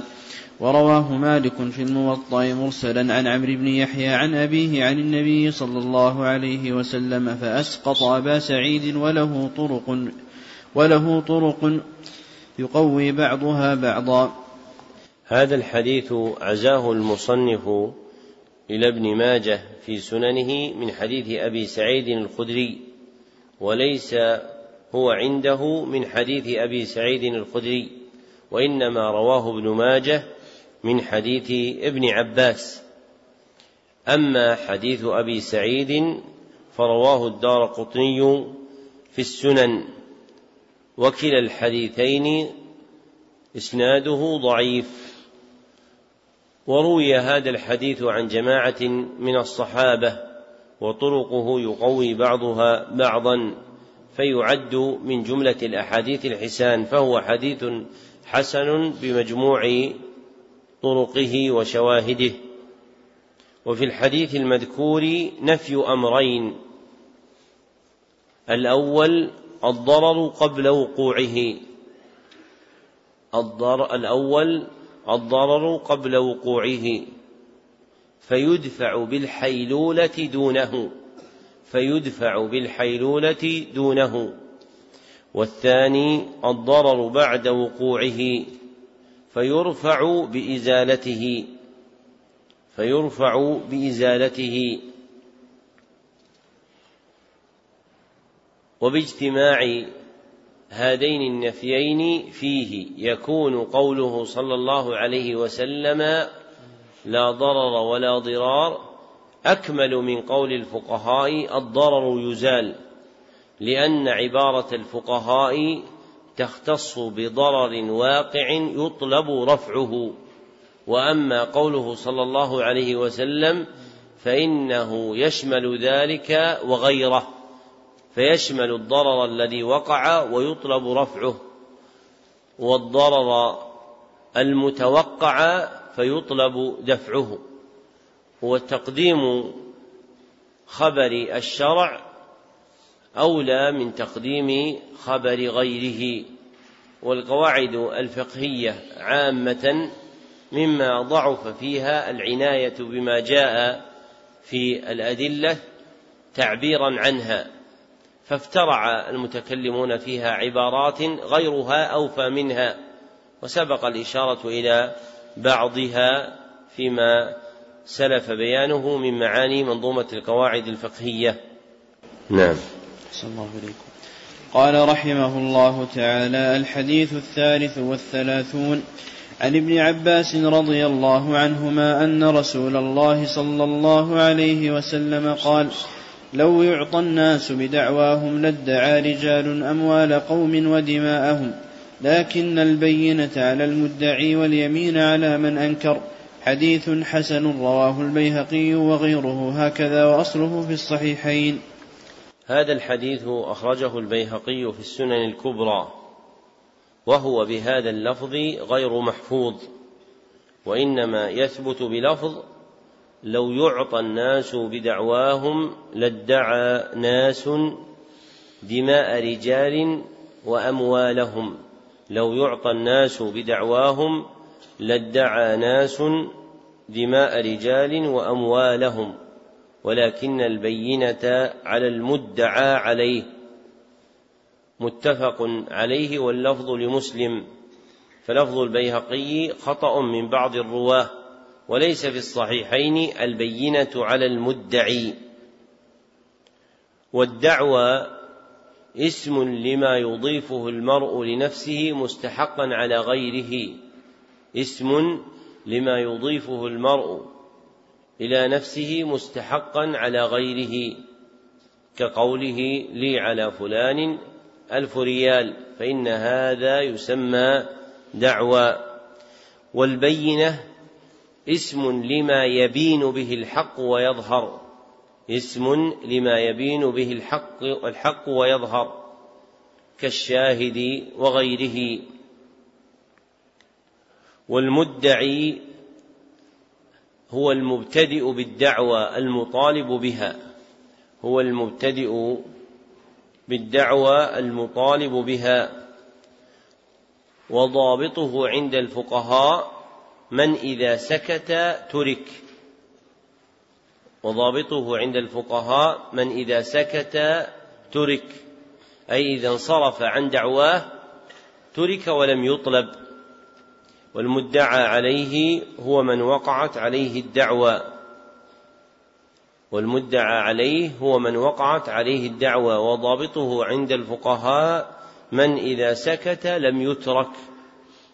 وضابطه عند الفقهاء من إذا سكت لم يترك لأنه مطالب بمضمن الدعوى التي أقيمت عليه. وقوله واليمين على من أنكر أي من أنكر دعوى المدعي فعليه اليمين وهي القسم. أي من أنكر دعوى المدعي فعليه اليمين وهي القسم. ومقتضى هذا الحديث أن البينة على المدعي وأن اليمين على المدعى عليه مطلقا. أن البينة على المدعي وأن اليمين على المدعى عليه مطلقا. وليس الأمر كذلك بل هذا الحديث من العام المخصوص. فإن القاضي قد يجعل اليمين على المدعي بحسب ما يحف بالقضية من القرائن كما هو مبين بأدلته في كتاب القضاء عند الفقهاء. نعم. صلى الله عليكم قال رحمه الله تعالى الحديث الرابع والثلاثون.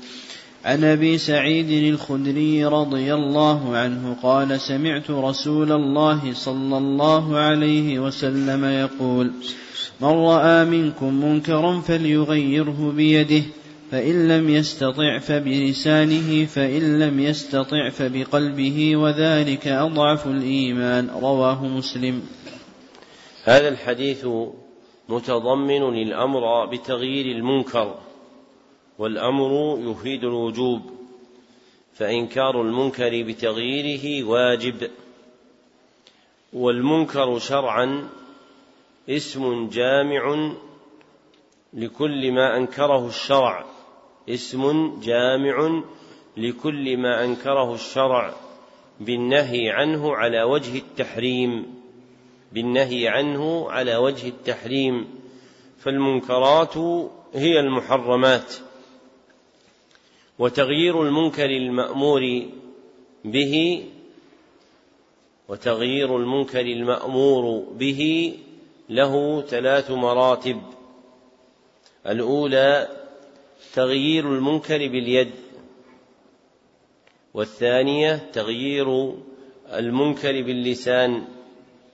والثالثة تغيير المنكر بالقلب. والمرتبتان الأوليان شرط لوجوبهما الاستطاعة بخلاف المرتبة الثالثة لأن إنكار القلب ممكن في حق كل أحد.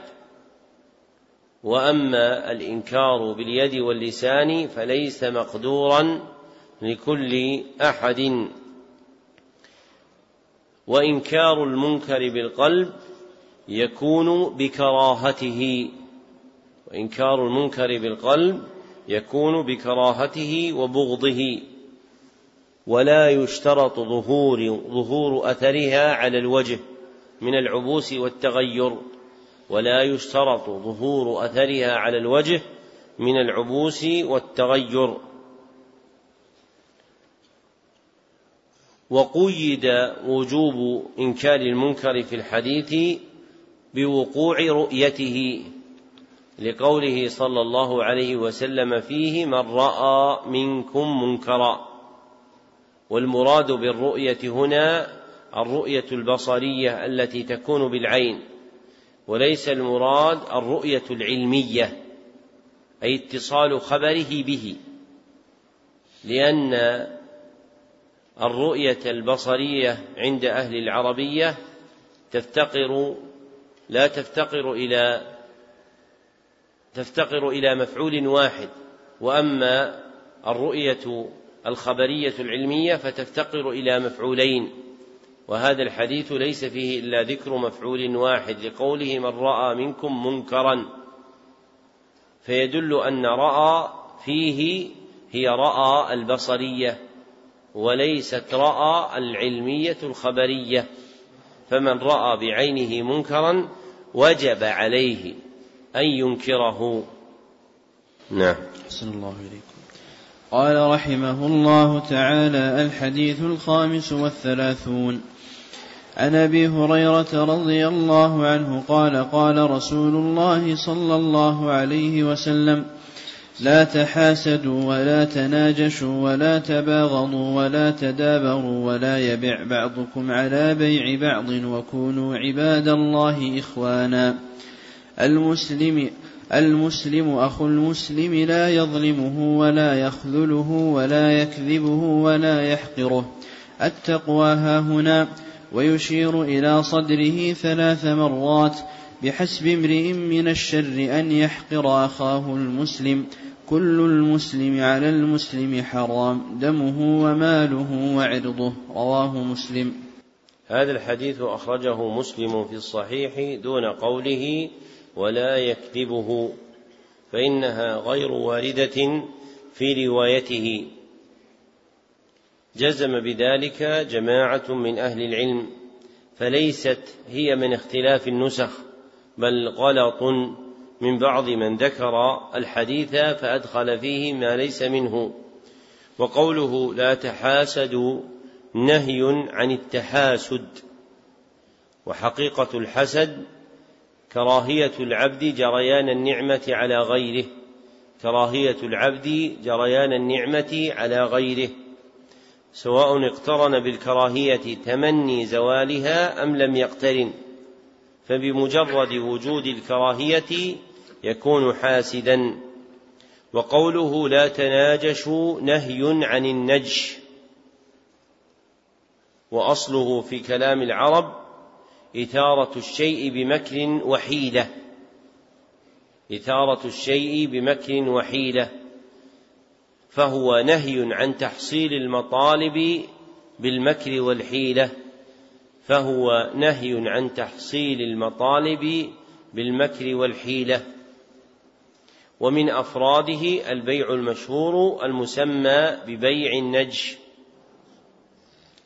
وليس هذا الحديث مختصا بالنهي عنه بل يشمل النهي عنه وعن كل ما كان سبيله التوصل إليه بمكر وحيلة. وقوله ولا تباغضوا نهي عن التباغض إذا عدم المسوغ الشرعي. نهي عن التباغض إذا عدم المسوغ الشرعي فإن وجد المسوغ الشرعي أبغض بما يقتضيه الشرع فإن وجد المسوغ الشرعي أبغض أبغض بما يسوغه الشرع. فمن وجد منه مخالفة للشريعة كان محل البغض منه تلك المخالفة. وبقي أصل المحبة الدينية محفوظا له. وقوله في الحديث ولا تدابروا نهي عن التدابر أي لا يولي أحدكم أخاه دبره والمراد به التهاجر والتباعد والهجر نوعان أحدهما هجر لأمر دنيوي فلا يحل شرعا فوق ثلاث. هجر لأمر دنيوي فلا يحل شرعا فوق ثلاث والآخر هجر لأجل أمر ديني هجر لأجل أمر ديني. فتجوز الزيادة عليه شرعا بحسب ما تستدعيه مصلحة الهجر. فتجوز الزيادة عليه شرعا بحسب ما تستدعيه مصلحة الهجر. وتقدير مدته معلق بالمصلحة والمفسدة. وقوله وكونوا عباد الله إخوانا يحتمل معنيين أحدهما أنه إنشاء لا تراد به حقيقته بل يراد به الخبر أنه إنشاء لا تراد به حقيقته بل يراد به الخبر. ومعناه أنكم إذا تركتم التحاسد والتباغض والتدابر والتناجش ولم يبع بعضكم على بعض كنتم عباد الله إخوانا. والآخر أنه انشاء تراد به حقيقته وهي الأمر أي كونوا عباد الله إخوانا ففيه أمر بتحصيل كل سبب يحقق الأخوة الدينية ويقويها. وكلا المعنيين صحيح. وقوله التقوى ها هنا ويشير إلى صدره ثلاث مرات أي أصل التقوى في القلوب فالقلب في الصدر. ثم أشار النبي صلى الله عليه وسلم إلى صدره للإعلام بأن أصلها مستقر في قلب العبد. وإذا عمر بها القلب بدت آثارها على اللسان والجوارح. نعم. أحسن الله إليكم. قال رحمه الله تعالى الحديث السادس والثلاثون. عن أبي هريرة رضي الله عنه عن النبي صلى الله عليه وسلم قال من نفس عن مؤمن كربة من كرب الدنيا نفس الله عنه كربة من كرب يوم القيامة. ومن يسر على معسر يسر الله عليه في الدنيا والآخرة. ومن ستر مسلما ستره الله في الدنيا والآخرة. والله في عون العبد ما كان العبد في عون أخيه. ومن سلك طريقا يلتمس فيه علما سهل الله له به طريقا إلى الجنة. وما اجتمع قوم في بيت من بيوت الله يتلون كتاب الله ويتدارسونه بينهم إلا نزلت عليهم السكينة. إلا نزلت عليهم السكينة وغشيتهم الرحمة وحفتهم الملائكة. وذكرهم الله في من عنده ومن بطأ به عمله لم يسرع به نسبه. رواه مسلم بهذا اللفظ. ذكر النبي صلى الله عليه وسلم في هذا الحديث خمسة أعمال مقرونة بذكر ما يترتب عليها من الجزاء. فالعمل الأول تنفيس الكرب عن المؤمنين في الدنيا. وجزاؤه أن ينفس الله عن عامله كربة من كرب يوم القيامة. وجعل جزاء هذا العمل مؤخرا لأنه أكمل في الإثابة فلم يعجل هذا الجزاء لعامله في الدنيا طلبا لإيفائه الأجر الأعظم. فإن الحاجة إلى كشف الكرب يوم القيامة أكبر فكرب يوم القيامة أعظم الكرب وتعلق الثواب بها أكمل. والعمل الثاني التيسير على المعسر وجزاؤه أن ييسر الله على عامله في الدنيا والآخرة. والثالث الستر على المسلم وجزاؤه أن يستر الله على عامله في الدنيا والآخرة. ومحل الستر في حق من لم يشتهر بفسق. ومحل الستر في حق من لم يشتهر بفسق. أما من شهر به فيجب الأخذ على يده بإبلاغ ولي الأمر عنه حسما لمادة شره واستئصالا لها.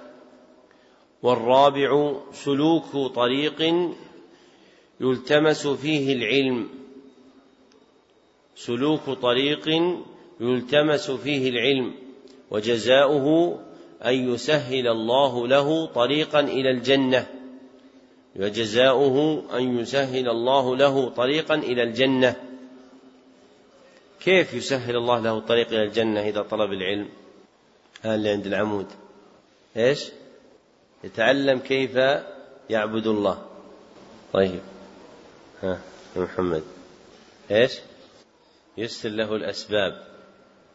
بهدايته إلى أعمال أهلها في الدنيا وإلى طريق الوصول إليها في الآخرة. بهدايته إلى أعمال أهلها في الدنيا وبالوصول إلى طريقها في الآخرة يعني عند المرور عند عند المرور على الصراط. والخامس الاجتماع في بيت من بيوت الله وهي المساجد. الاجتماع في بيت من بيوت الله وهي المساجد على تلاوة كتاب الله وتدارسه. وجزاؤه نزول السكينة وغشيان الرحمة. وحف الملائكة وذكر الله المجتمعين في من عنده. وقول النبي صلى الله عليه وسلم في أثناء ذكر هذه الأعمال والله في عون العبد ما كان العبد في عون أخيه بيان للأصل الجامع للعمل والجزاء فالأصل الجامع للعمل معونة المسلم. والأصل الجامع للجزاء معونة الله عبده. ثم ختم النبي صلى الله عليه وسلم هذا الحديث بقوله ومن بطأ به عمله لم يسع به نسبه إعلاما بمقام العمل وأن من وقف به عمله عن المقامات العالية فإنه لا يبلغها بأنسابه. نعم. أحسن الله إليكم. قال رحمه الله تعالى الحديث السابع والثلاثون. عن ابن عباس رضي الله عنهما عن رسول الله صلى الله عليه وسلم فيما يرويه عن ربه تبارك وتعالى قال إن الله كتب الحسنات والسيئات ثم بين ذلك فمن هم بحسنة فلم يعملها كتبها الله عنده حسنة كاملة. وإن هم بها فعملها كتبها الله عنده عشر حسنات إلى سبعمائة ضعف إلى أضعاف كثيرة. وإن هم بسيئة فلم يعملها كتبها الله عنده حسنة كاملة. وإن هم بها فعملها كتبها الله سيئة واحدة. رواه البخاري ومسلم في صحيحيهما بهذه الحروف. فانظر يا أخي وفقنا الله وإياك إلى عظيم لطف الله تعالى وتأمل هذه الألفاظ. وقوله عنده إشارة إلى الاعتناء بها وقوله كاملة للتأكيد وشدة الاعتناء بها. وقال في السيئة التي هم بها ثم تركها كتبها الله عنده حسنة كاملة فأكدها بكاملة. وإن عملها كتبها الله سيئة واحدة فأكد تقريرها بواحدة ولم يؤكدها بكاملة فلله الحمد والمنة سبحانه لا نحصي ثناء عليه وبالله التوفيق. قوله إن الله كتب الحسنات والسيئات المراد بالكتابة هنا الكتابة القدرية دون الشرعية. لأن المكتوب شرعا أي المأمور به شرعا هو الحسنات دون السيئات. فيكون المراد بالكتابة في الحديث الكتابة القدرية. فقدر الله سبحانه وتعالى على عباده الحسنات والسيئات. والكتابة القدرية لهما تشمل أمرين. أحدهما كتابة عمل الخلق لهما. كتابة عمل الخلق لهما. فكتب الله على كل عبد ما له من عمل الحسنات والسيئات. والآخر كتابة ثوابهما. كتابة ثوابهما وجزائهما. والحديث المذكور متعلق بالثاني. لقوله فيه ثم بين ذلك أي بين الجزاء. والحسنة شرعا اسم لكل ما وعد عليه بالثواب الحسن. اسم لكل ما وعد عليه بالثواب الحسن وهي كل ما أمر الشرع به وهي كل ما أمر الشرع به. والسيئة شرعا اسم لكل ما توعد عليه بالثواب السيء. اسم لكل ما توعد عليه بالثواب السيء. وهي كل ما نهى الشرع عنه نهي تحريم. وهي كل ما نهى الشرع عنه نهي, نهي تحريم. فيندرج في الحسنة الفرائض والنوافل. فيندرج في الحسنة الفرائض والنوافل. وتختص السيئة بالمحرم وتختص السيئة بالمحرم. والعبد بين الحسنة والسيئة لا يخلو من أربعة أحوال. والعبد بين الحسنة والسيئة لا يخلو من أربعة أحوال. الحال الأولى أن يهم بالحسنة ولا يعمل بها. أن يهم بالحسنة ولا يعمل بها. فيكتبها الله عنده حسنة كاملة. والمراد بالهم هنا هم الخطرات. والمراد بالهم هنا هم الخطرات. فإذا وجد في القلب نزوع إلى فعل الحسنة وخطر وجرى ذلك في الخاطر تفضل الله عز وجل عليه فكتبها للعبد حسنة كاملة وإن لم يعملها. الحال الثانية أن يهم بالحسنة ثم يعمل بها. أن يهم بالحسنة ثم يعمل بها. فيكتبها الله عز وجل عنده عشر حسنات إلى سبعمائة ضعف إلى أضعاف كثيرة. واختلاف المضاعفة بعد العشر بحسب كمال العمل والإخلاص فيه. واختلاف المضاعفة بعد العشر بحسب كمال العمل والإخلاص فيه. والحال الثالثة أن يهم بالسيئة ويعمل بها. أن يهم بالسيئة ويعمل بها. فتكتب سيئة مثلها فتكتب سيئة مثلها من غير مضاعفة لها. والمضاعفة المنفية في السيئات هي مضاعفة الكم لا مضاعفة الكيف. هي مضاعفة الكم لا مضاعفة الكيف. فإن السيئة كيفما كانت لا تكتب إلا واحدة باعتبار عددها.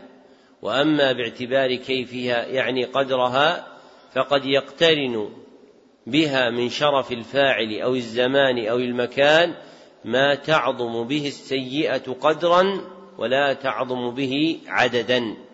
فتعظيم السيئة يكون بالكيف يعني بالقدر ولا يكون بالكم يعني بالعدد.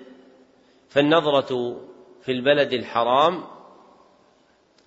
أعظم وزرا وأكبر قدرا من النظرة في غيره وكلاهما يكتب على فاعله سيئة واحدة لكن ثقلها في الميزان متفاوت. والحال الرابعة أن يهم بالسيئة ثم لا يعمل بها أن يهم بالسيئة ثم لا يعمل ثم لا يعمل بها. وتختلف أحواله باختلاف ما يعرض له. فإن ترك العمل بالسيئة يكون لأحد أمرين. فإن ترك العمل بالسيئة يكون لأحد أمرين. أولهما أن يكون الترك لسبب دعا إليه. أن يكون الترك لسبب دعا إليه. وثانيهما أن يكون الترك لغير سبب. أن يكون الترك لغير سبب. بل تفتر عزيمته من غير ورود سبب عليه. فما كان فيه الترك لسبب داع إليه فهو على ثلاثة أقسام فما كان فيه ترك السيئة لسبب داع إليه فهو ثلاثة أقسام.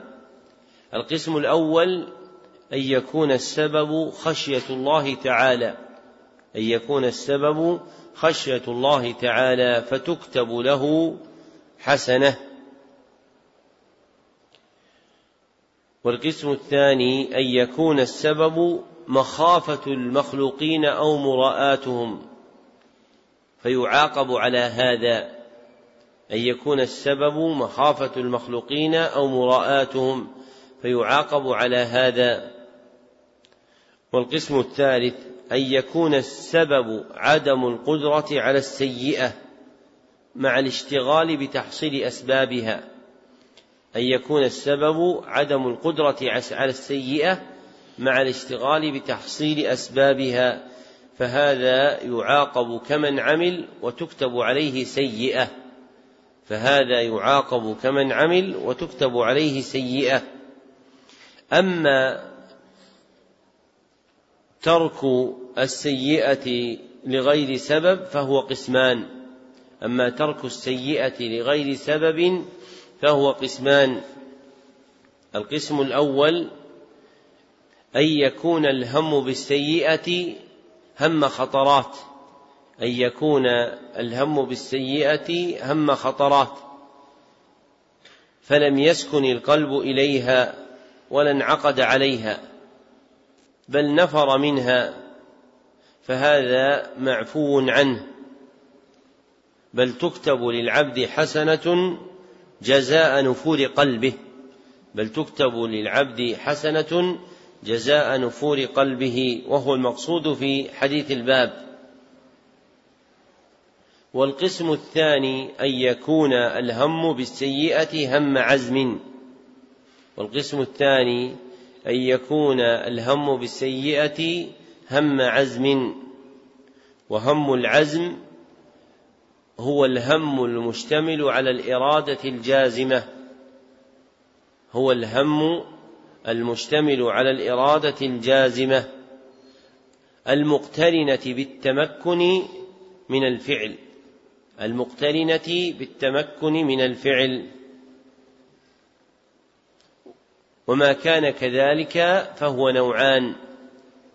وما كان كذلك فهو نوعان أحدهما أن يكون هم العزم متعلقا بأعمال القلوب. أن يكون هم العزم متعلقا بأعمال القلوب وأحوالها كالشك في الوحدانية أو التكبر أو العجب.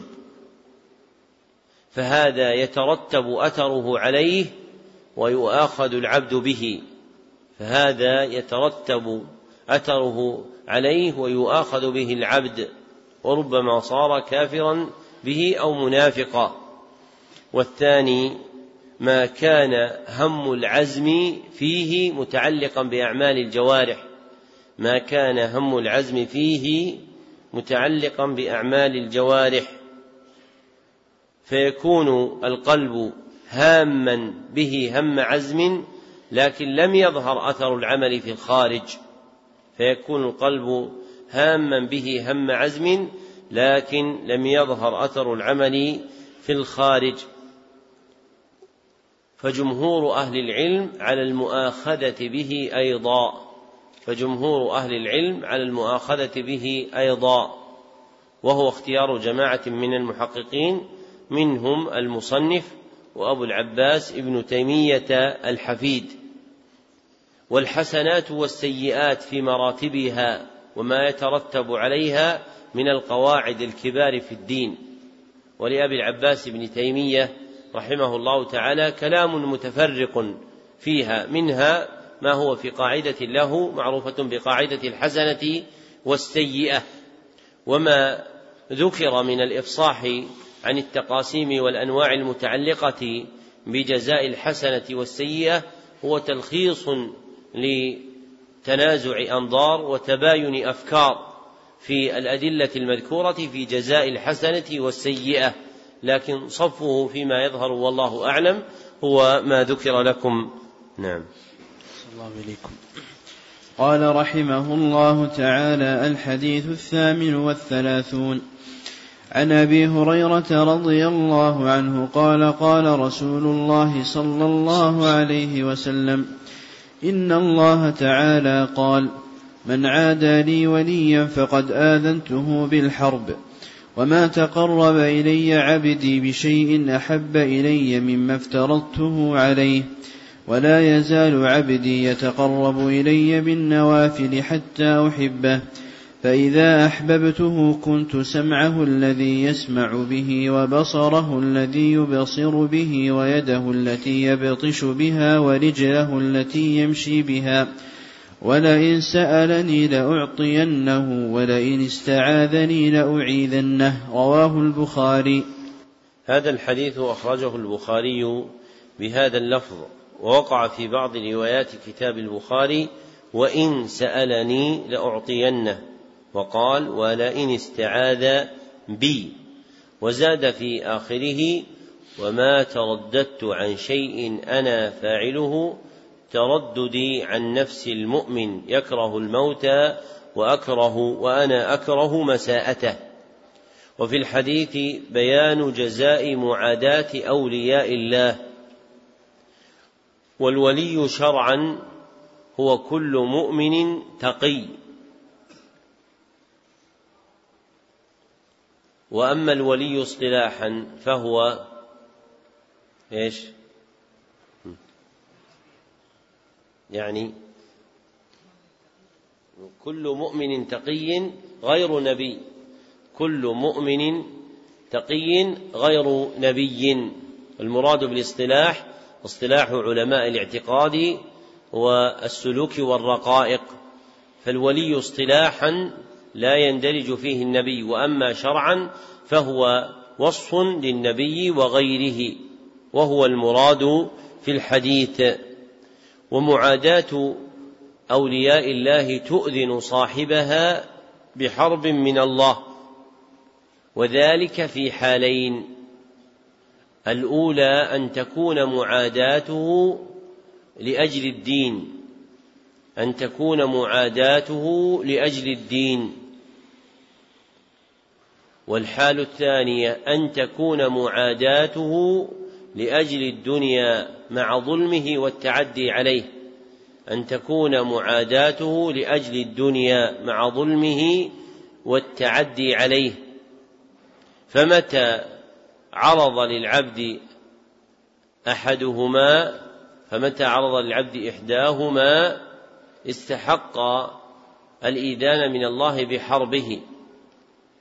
فإن عاد الولي لأجل الدنيا مع عدم تعديه وظلمه لم يكن مندرجا في الحديث فإن عاد الولي لأجل الدنيا مع عدم تعديه مع عدم التعدي عليه وظلمه لم يكن مندرجا في الحديث مثل إيش؟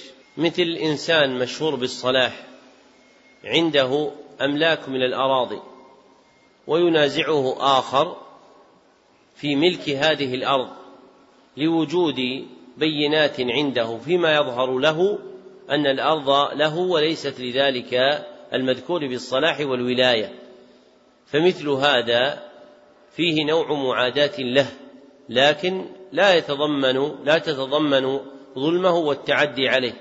فحينئذ لا يكون داخلا في الحديث بل يختص الحديث بالحالين اللذين ذكرنا. نعم. أحسن الله إليكم. قال رحمه الله تعالى الحديث التاسع والثلاثون عن ابن عباس رضي الله عنهما أن رسول الله صلى الله عليه وسلم قال إن الله تجاوز لي عن امتي الخطأ والنسيان وما استكرهوا عليه. حديث حسن رواه ابن ماجه والبيهقي وغيرهما. هذا الحديث أخرجه ابن ماجه بلفظ إن الله وضع عن أمتي وأخرجه البيهقي أيضا بلفظ قريب منه وإسناده ضعيف والرواية في هذا الباب فيها لين وفي الحديث المذكور بيان فضل الله على هذه الأمة بوضع المؤاخذة عنها في ثلاثة أمور أحدها الخطأ والمراد به هنا وقوع الشيء على وجه لم يقصده فاعله. وقوع الشيء على وجه لم يقصده فاعله. وثانيها النسيان وهو ذهول العبد عن معلوم له متقرر عنده. ذهول العبد عن معلوم له متقرر عنده. وثالثها الإكراه وهو إرغام العبد على ما لا يريده. إرغام العبد على ما لا يريده. ومعنى الوضع نفي الإثم مع وجودها. ومعنى الوضع نفي الإثم مع وجودها فلا إثم على مخطئ ولا ناس ولا مكره. بل رفعه الله عز وجل عنهم رحمة بهذه الأمة.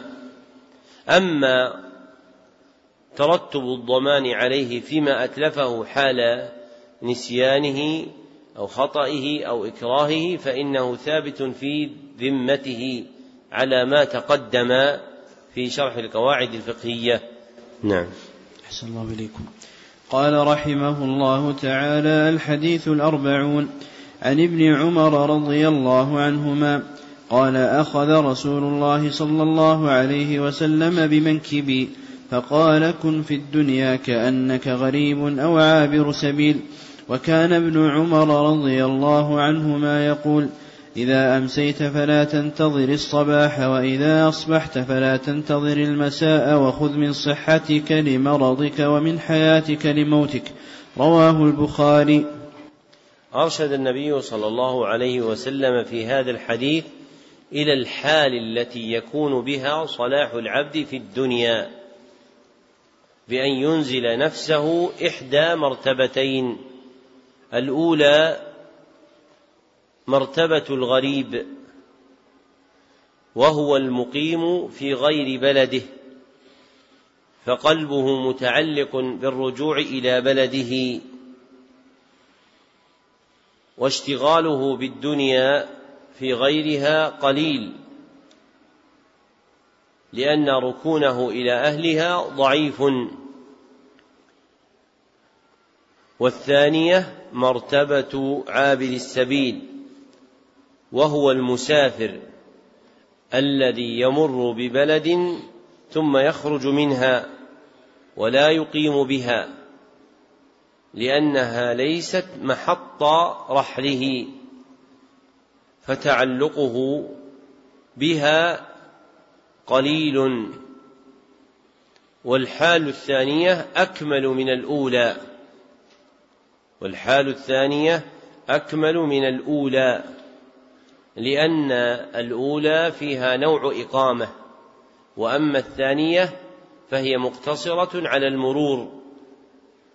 فمن أراد أن يصلح نفسه أنزلها إحدى المنزلتين المذكورتين في الحديث. نعم. أحسن الله إليكم. قال رحمه الله تعالى الحديث الحادي والأربعون. عن أبي محمد عبد الله بن عمرو بن العاص رضي الله عنهما قال قال رسول الله صلى الله عليه وسلم لا يؤمن أحدكم حتى يكون هواه تبعا لما جئت به. حديث حسن صحيح. رويناه في كتاب الحجة بإسناد صحيح. هذا الحديث عزاه المصنف إلى كتاب الحجة على تارك المحجة وهو لأبي الفتح نصر بن إبراهيم المقدسي. ولم يظفر به بعد وإنما يوجد له مختصر مجرد من الأسانيد.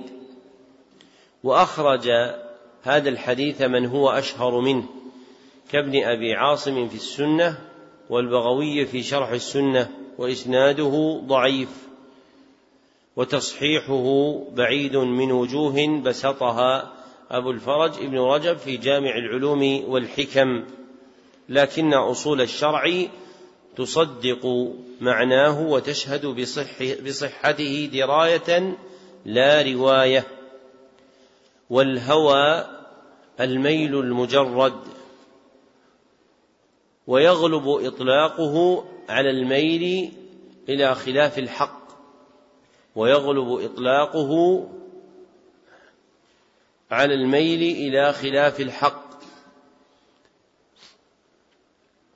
ويكاد يكون الثاني هو المراد شرعا. ويكاد يكون الثاني هو المراد شرعا. فللهوى معنيان. أحدهما لغوي وهو الميل المجرد. دون ملاحظة اتجاهه إلى الحق أو غيره. والآخر شرعي وهو الميل إلى خلاف الحق. شرعي وهو الميل إلى خلاف الحق. وفيه قول ابن عباس رضي الله عنهما عند اللالكاء وغيره بإسناد صحيح كل هوى ضلاله. كل هوى ضلاله يعني باعتبار حكم الشرع عليه. والحديث المذكور هنا يرجع إلى الأول دون الثاني أي إلى المعنى اللغوي أي إلى المعنى اللغوي. وما جاء به الرسول صلى الله عليه وسلم من الدين قسمان. الأول ما لا يصح إسلام العبد إلا به. ما لا يصح إسلام العبد إلا به. وهذا إذا ذكر نفي الإيمان عن تاركه كان نفيا لأصله. وهذا إذا ذكر نفي الإيمان عن تاركه كان نفيا لأصله. والثاني ما يصح إسلام العبد دونه. ما يصح إسلام العبد دونه. وهذا إذا ذكر نفي الإيمان عن تاركه كان نفيا لكماله. وهذا إذا ذكر نفي الإيمان عن تاركه كان نفيا لكماله. فنفي الإيمان المذكور في الحديث يمكن أن يكون نفيا لأصله أو كماله بحسب متعلقه. فإن تعلق بالأول كان نفيا لأصله أو تعلق بالثاني كان نفيا لكماله. نعم. أحسن الله إليكم. قال رحمه الله تعالى الحديث الثاني والأربعون. عن أنس رضي الله عنه قال سمعت رسول الله صلى الله عليه وسلم يقول قال الله تعالى يا ابن آدم إنك ما دعوتني ورجوتني غفرت لك على ما كان منك ولا أبالي. يا ابن آدم لو بلغت ذنوبك عنان السماء ثم استغفرتني غفرت لك. يا ابن آدم إنك لو أتيتني بقراب الأرض خطايا ثم لقيتني لا تشرك بي شيئا لأتيتك بقرابها مغفرة. رواه الترمذي وقال حديث حسن صحيح. هذا الحديث أخرجه الترمذي في الجامع ولا يخلو إسناده من كلام لكن يروى من وجوه أخرى يحسن بها الحديث. ولفظه في النسخ التي بأيدينا من جامع الترمذي على ما كان فيك. عوض على ما كان منك. وهو مشتمل على ذكر ثلاثة أسباب تحصل بها المغفرة. أولها الدعاء المقترن بالرجاء. الدعاء المقترن بالرجاء. وقرن الدعاء بالرجاء لإفادة أن الداعي حاضر القلب مقبل على الله وقرن الدعاء بالرجاء لإفادة أن الداعي حاضر القلب مقبل على الله. وثانيها الاستغفار وهو سؤال الله المغفرة. وثالثها توحيد الله وأشير إليه بعدم الشرك. في قوله لا تشرك لأن غاية التوحيد إبطال الشرك لأن غاية التوحيد إبطال الشرك. وأخر ذكره مع جلالة قدره في محو وأخر قدره لجلالة ذكره مع جلالة قدره لعظم أثره في محو الذنوب.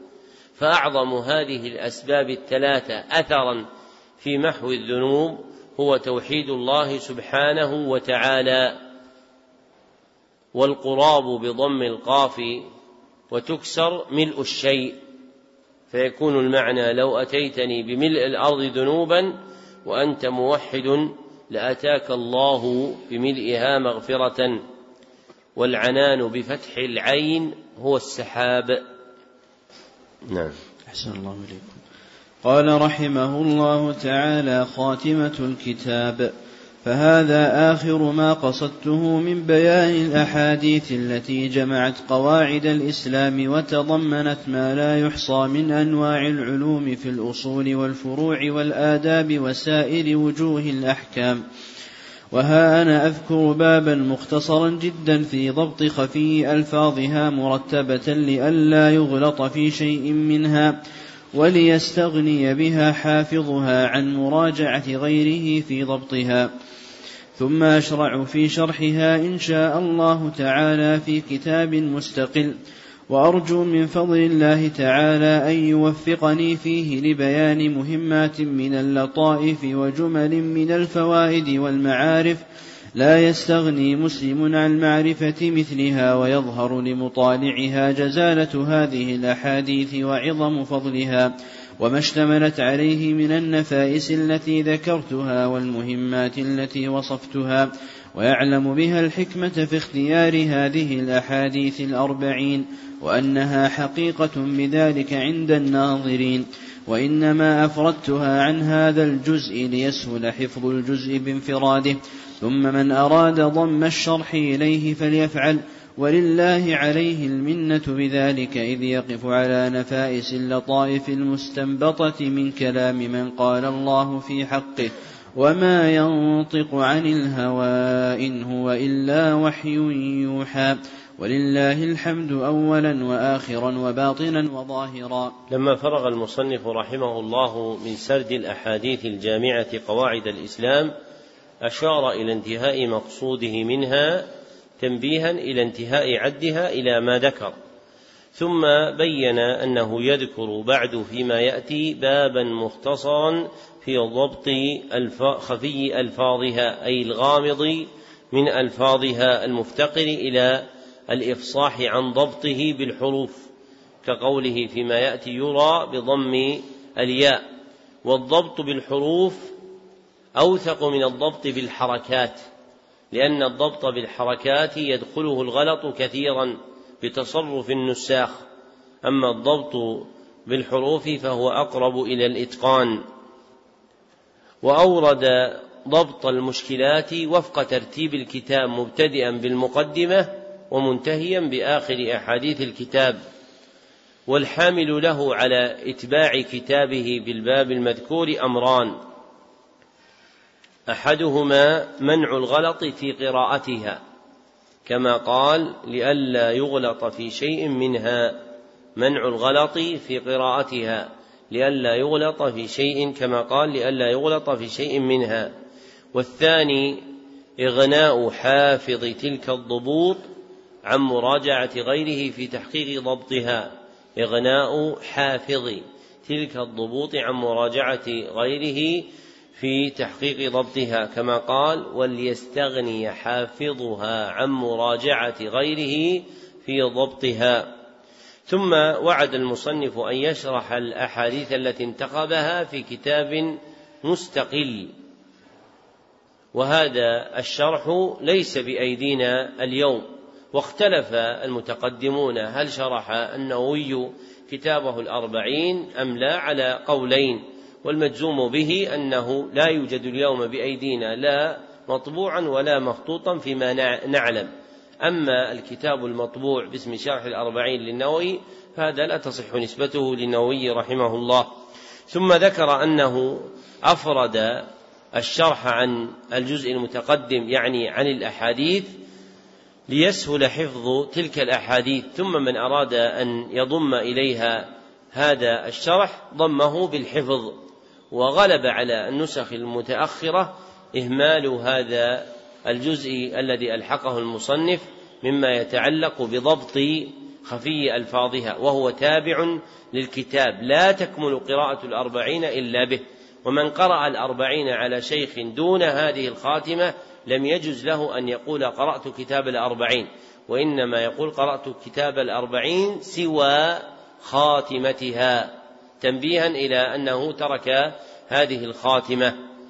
وفي ثبت الحافظ زكريا الأنصاري لما ذكر قراءته الأربعين قال قرأت كتاب الأربعين مع الباب الملحق بها في ضبط خفي ألفاظها. تنبيها إلى أنه من جملة كتاب الأربعين. نعم. قال رحمه الله تعالى باب الإشارات إلى ضبط الألفاظ المشكلات. هذا الباب وإن ترجمته بالمشكلات فقد أنبه فيه على ألفاظ من الواضحات. للخطبة نظر الله امرأ روي بتشديد الضاد وتخفيفها والتشديد أكثر ومعناه حسنه وجمله. قوله ومعناه حسنه وجمله أي بالنضرة وهي إشراق الوجه. نعم. الحديث الأول أمير المؤمنين عمر بن الخطاب رضي الله عنه هو أول من سمي أمير المؤمنين. قوله صلى الله عليه وسلم إنما الأعمال بالنيات المراد لا تحسب الأعمال الشرعية إلا بالنية.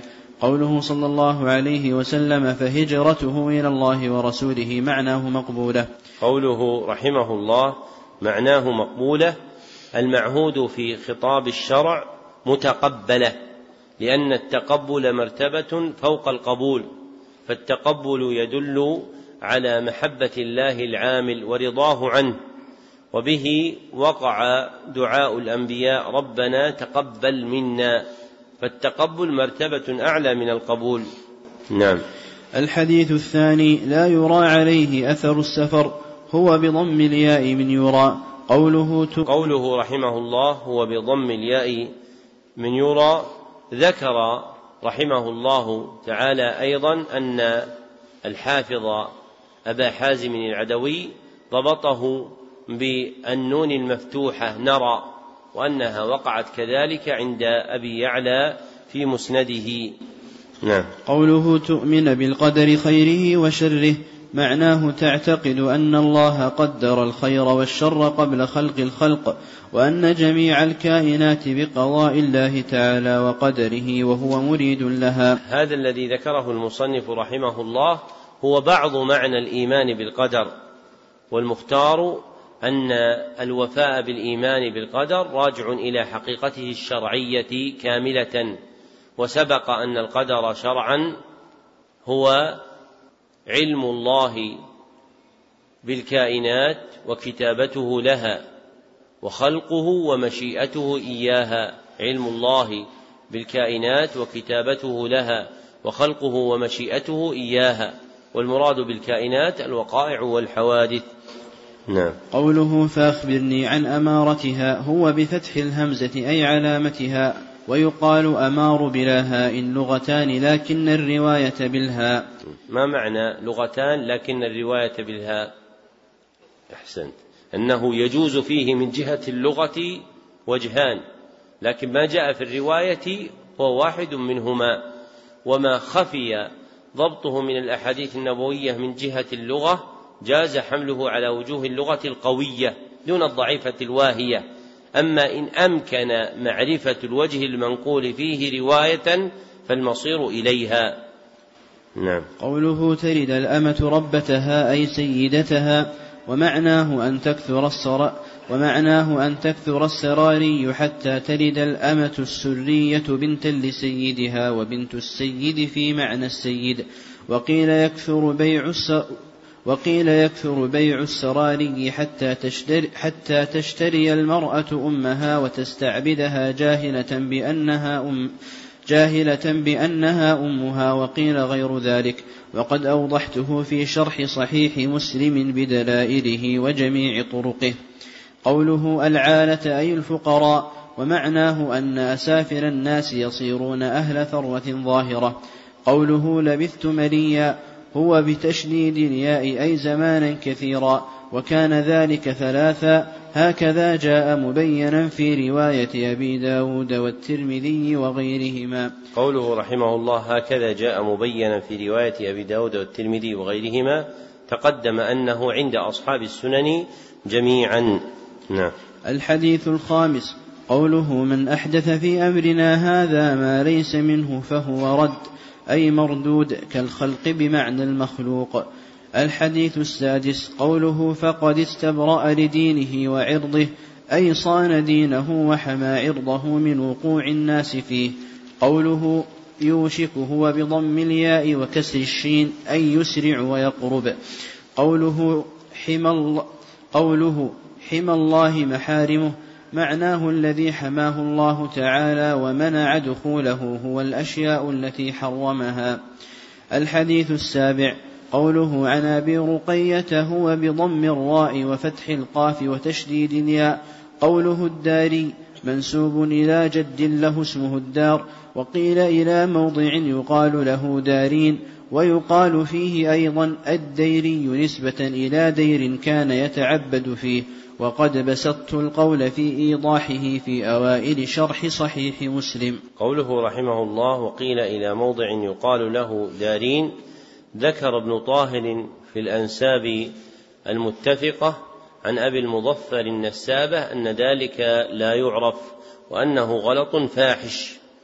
وقوله ويقال له الديري نسبة إلى دير كان يتعبد فيه يوهم ظاهره ظاهره أن تعبده كان بعد إسلامه وليس هذا هو الواقع وإنما كان تعبده فيه قبل الإسلام لما كان نصرانيا فكان جديرا بالمصنف أن يقيده بما يدل عليه وجنح إلى ذلك في كتابه الآخر شرح صحيح مسلم وتهذيب الأسماء واللغات أيضا. فقيده بأن تعبده كان قبل الإسلام والتعبد بالتخلي في الجبال ليس من شرائع الإسلام. نعم. الحديث التاسع قوله واختلافهم هو بضم الفاء لا بكسرها. الحديث العاشر قوله غذي بالحرام هو بضم الغين وكسر الذال المعجمة المخففة.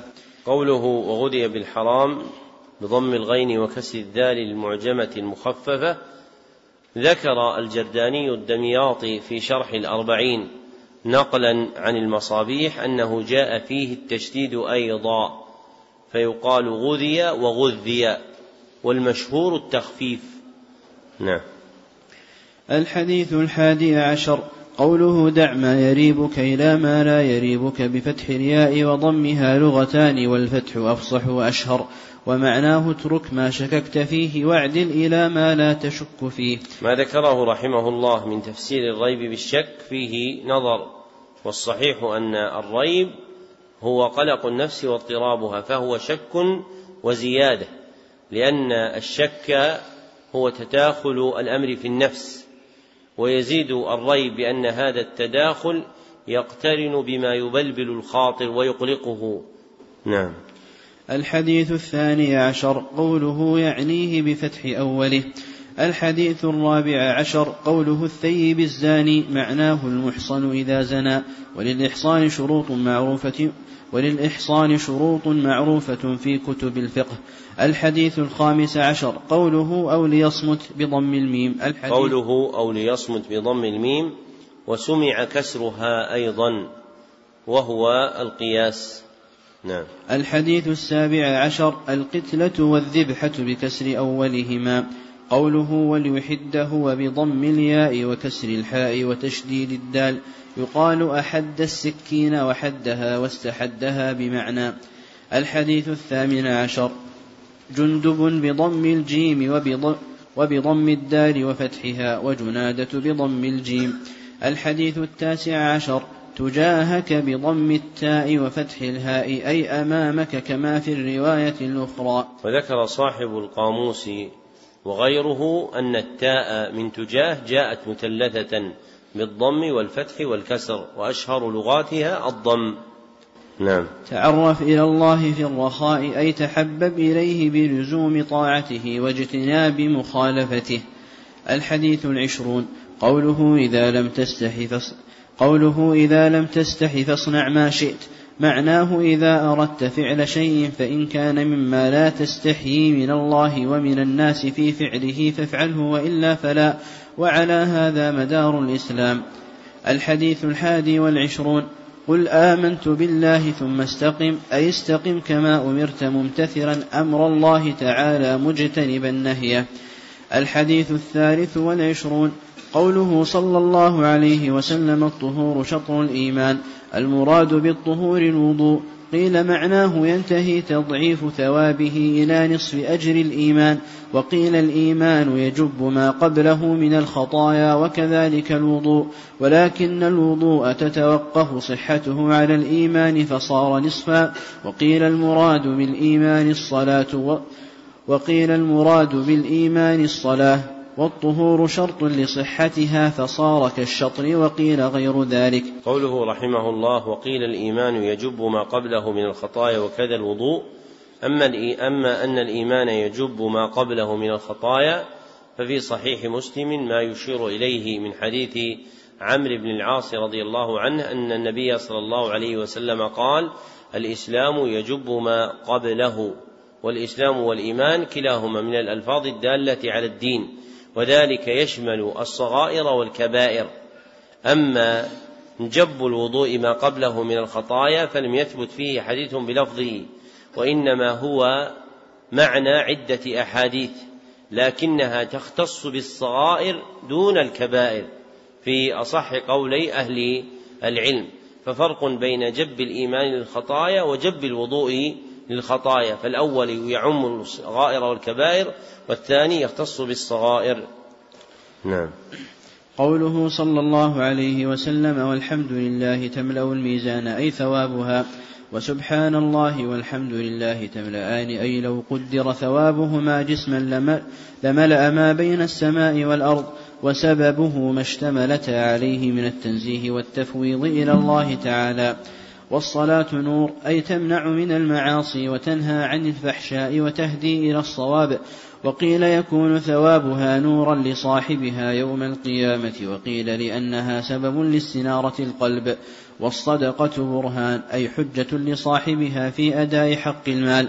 وقيل حجة في إيمان صاحبها لأن المنافق لا يفعلها غالبا. والصبر ضياء أي الصبر المحبوب. وهو الصبر على طاعة الله والبلاء ومكاره الدنيا وعن المعاصي ومعناه لا يزال صاحبه مستضيئا مستمرا على الصواب. كل الناس يغدو فبائع نفسه معناه كل إنسان يسعى بنفسه. فمنهم من يبيعها لله تعالى بطاعته فيعتقها من العذاب ومنهم من يبيعها للشيطان والهوى باتباعهما. فيوبقها أن يهلكها. وقد بسطت شرح هذا الحديث في أول شرح صحيح مسلم فمن أراد زيادة فليراجعه وبالله التوفيق. الحديث الرابع والعشرون قوله تعالى حرمت الظلم على نفسي أي تقدست عنه. فالظلم مستحيل في حق الله تعالى لأنه مجاوزة الحد أو التصرف أو التصرف لأنه مجاوزة الحد أو التصرف في غير ملك وهما جميعا محال في حق الله تعالى. تقدم أن المختار أن الظلم هو وضع الشيء في غير موضعه وما ذكره المصنف هو من كلام المتكلمين وفيه نظر بسطه أبو العباس بن تيمية في رسالته التي أشرنا إليها في شرح حديث أبي ذر الغفاري. نعم. قوله تعالى فلا تظالموا هو بفتح التاء أي لا تتظالموا. قوله تعالى إلا كما ينقص المخيط هو بكسر الميم وإسكان الخاء المعجمة وفتح الياء أي الإبرة ومعناه لا ينقص شيئا. الحديث الخامس والعشرون الدثور بضم الدال والثاء المثلثة الأموال واحدها دثر كفرس وفلوس. قوله وفي بضع أحدكم هو بضم الباء وإسكان الضاد المعجمة وهو كناية عن الجماع إذا نوى به العبادة وهو قضاء حق الزوجة وطلب ولد صالح وإعفاف النفس وكفها عن المحارم. الحديث السادس والعشرون السلامة بضم السين وتخفيف اللام وفتح الميم وجمعه سلام وجمعه سلاميات بفتح الميم وهي المفاصل والأعضاء وهي ثلاثمائة وستون مفصلا. ثبت ذلك في صحيح مسلم عن رسول الله صلى الله عليه وسلم. الحديث السابع والعشرون النواس بفتح النون وتشديد الواو و وسمعان بكسر السين المهملة وفتحها. والفتح أشهر. نعم. قوله حاك بالحاء المهملة والكاف أي تردد. وابصة بكسر الباء الموحدة. الحديث الثامن والعشرون العرباض بكسر العين بكسر العين وبالموحدة. سارية بالسين المهملة والياء المثناة من تحت. قوله ذرفت بفتح الذال المعجمة والراء أي سالت. قوله بالنواجذ هو بالذال المعجمة وهي الأنياب وقيل الأضراس. والبدعة ما عمل على غير مثال سبق. ما ذكره رحمه الله في حد البدعة هو حدها في اللسان العربي لا في الوضع الشرعي. وقد تقدم بيان حدها الشرعي المراد في الحديث. نعم. الحديث التاسع والعشرون وذروة السنام بكسر الذال وضمها أي أعلاه ملاك الشيء قوله رحمه الله بكسر الذال وضمها وذكر أيضا الفتح. فهي مثلثة كما تقدم إلا أن الفتح لغة فيها ضعف. نعم. ملاك الشيء بكسر الميم أي مقصوده. وتفتح أيضا فيقال ملاك وملاك. نعم. قوله يكب هو بفتح الياء وضم الكاف. الحديث الثلاثون الخشني بضم الخاء وفتح الشين المعجمتين وبالنون. منسوب إلى خشينة قبيلة معروفة. قوله جرثوم بضم الجيم والثاء المثلثة وإسكان الراء بينهما وفي اسمه واسم أبيه اختلاف كثير. قوله صلى الله عليه وسلم فلا تنتهكوها انتهاك الحرمة تناولها بما لا يحل الحديث الثاني والثلاثون ولا ضرار هو بكسر الضاد المعجمة. الحديث الرابع والثلاثون فإن لم يستطع فبقلبه معناه فلينكر بقلبه وذلك أضعف الإيمان أي أقله ثمرة. الحديث الخامس والثلاثون ولا يخذله بفتح الياء وإسكان الخاء وضم الذال المعجمة ولا يكذبه هو بفتح الباء وإسكان الكاف. قوله بحسب امرئ من الشر هو بإسكان السين المهملة أن يكفيه من الشر. الحديث الثامن والثلاثون. فقد آذنته بالحرب. هو بهمزة ممدودة أي أعلمته بأنه محارب لي. قوله تعالى استعاذني وبطوه بالنون وبالباء وكلاهما صحيح. قوله رحمه الله ضبطوه بالنون أي استعاذني. وبالباء أي استعاذ بي. وكلتاهما وقعتا في رواية الحديث عند البخاري. نعم. الحديث الأربعون. كن في الدنيا كأنك غريب أو عابر سبيل أي لا تركن إليها ولا تتخذها وطنا ولا تحدث نفسك بطول البقاء فيها ولا بالاعتناء بها ولا ولا تتعلق منها بما لا يتعلق به الغريب في غير وطنه ولا تشتغل فيها بما لا يشتغل به الغريب الذي يريد الذهاب إلى أهله. الحديث الثاني والأربعون عنان السماء. بفتح العين قيل هو السحاب وقيل ما عن لك منها أي ظهر إذا رفعت رأسك. قوله بقراب الأرض بضم القاف وكسرها لغتان. قوله بقراب الأرض بضم القاف وكسرها لغتان. روي بهما والضم أشهر معناه ما يقارب ملءها فصل. اعلم أن الحديث المذكور أولا من حفظ على أمتي أربعين حديثا. معنى الحفظ هنا أن ينقلها إلى المسلمين وإن لم يحفظها ولم يعرف معناها هذا حقيقة معناه وبه يحصل انتفاع المسلمين لا بحفظ ما ينقله إليهم والله أعلم بالصواب. الحمد لله الذي هدانا لهذا وما كنا لنهتدي لولا أن هدانا الله. وصلاته وسلامه على سيدنا محمد وآله وصحبه وسلم. وسلام على المرسلين والحمد لله رب العالمين. قال مؤلفه فرغت منه ليلة الخميس التاسع والعشرين من جماد الأولى سنة ثمان وستين وستمائة. قوله رحمه الله معنى الحفظ هنا أن ينقلها إلى المسلمين وإن لم يحفظها أي لا يشترط أن يكون حافظا لها عن صدره بل متى نقلها بسطره أي بكتابته حصل الأجر الموعود به في هذا الحديث. والأكمل الجمع بينهما فإن تخلف حفظ الصدر كان حفظ الصدر كافيا في إيصال منفعة ذلك إلى المسلمين. وهذا آخر شرح كتاب الأربعين على نحو يبين معانيه الإجمالية ومقاصده الكلية. اللهم إنا نسألك علما في المهمات ومهما في المعلومات وبالله التوفيق. ونبتدئ إن شاء الله تعالى بعد العصر في الكتاب السابع وهو كتاب التوحيد. وفق الله الجميع لما يحب ويرضى. والحمد لله رب العالمين. اكتبوا وثيقة السماع. سمع علي جميع لمن كان سمع الجميع الأربعين النووية بقراءة غيره. صاحبنا كل واحد يكتب اسمه هو فتم له ذلك في مجلسين بالميعاد المثبت في محله من نسخته وأجزت له روايتها عني إجازة خاصة من معين لمعين في معين بإسناد المذكور في منح المكرمات إجازة طلاب المهمات. الحمد لله رب العالمين. وكتبه صالح بن عبد الله بن حمد العصيمي يوم السبت. كم التاريخ؟ الثامن والعشرين والتاسع. السابع والعشرين.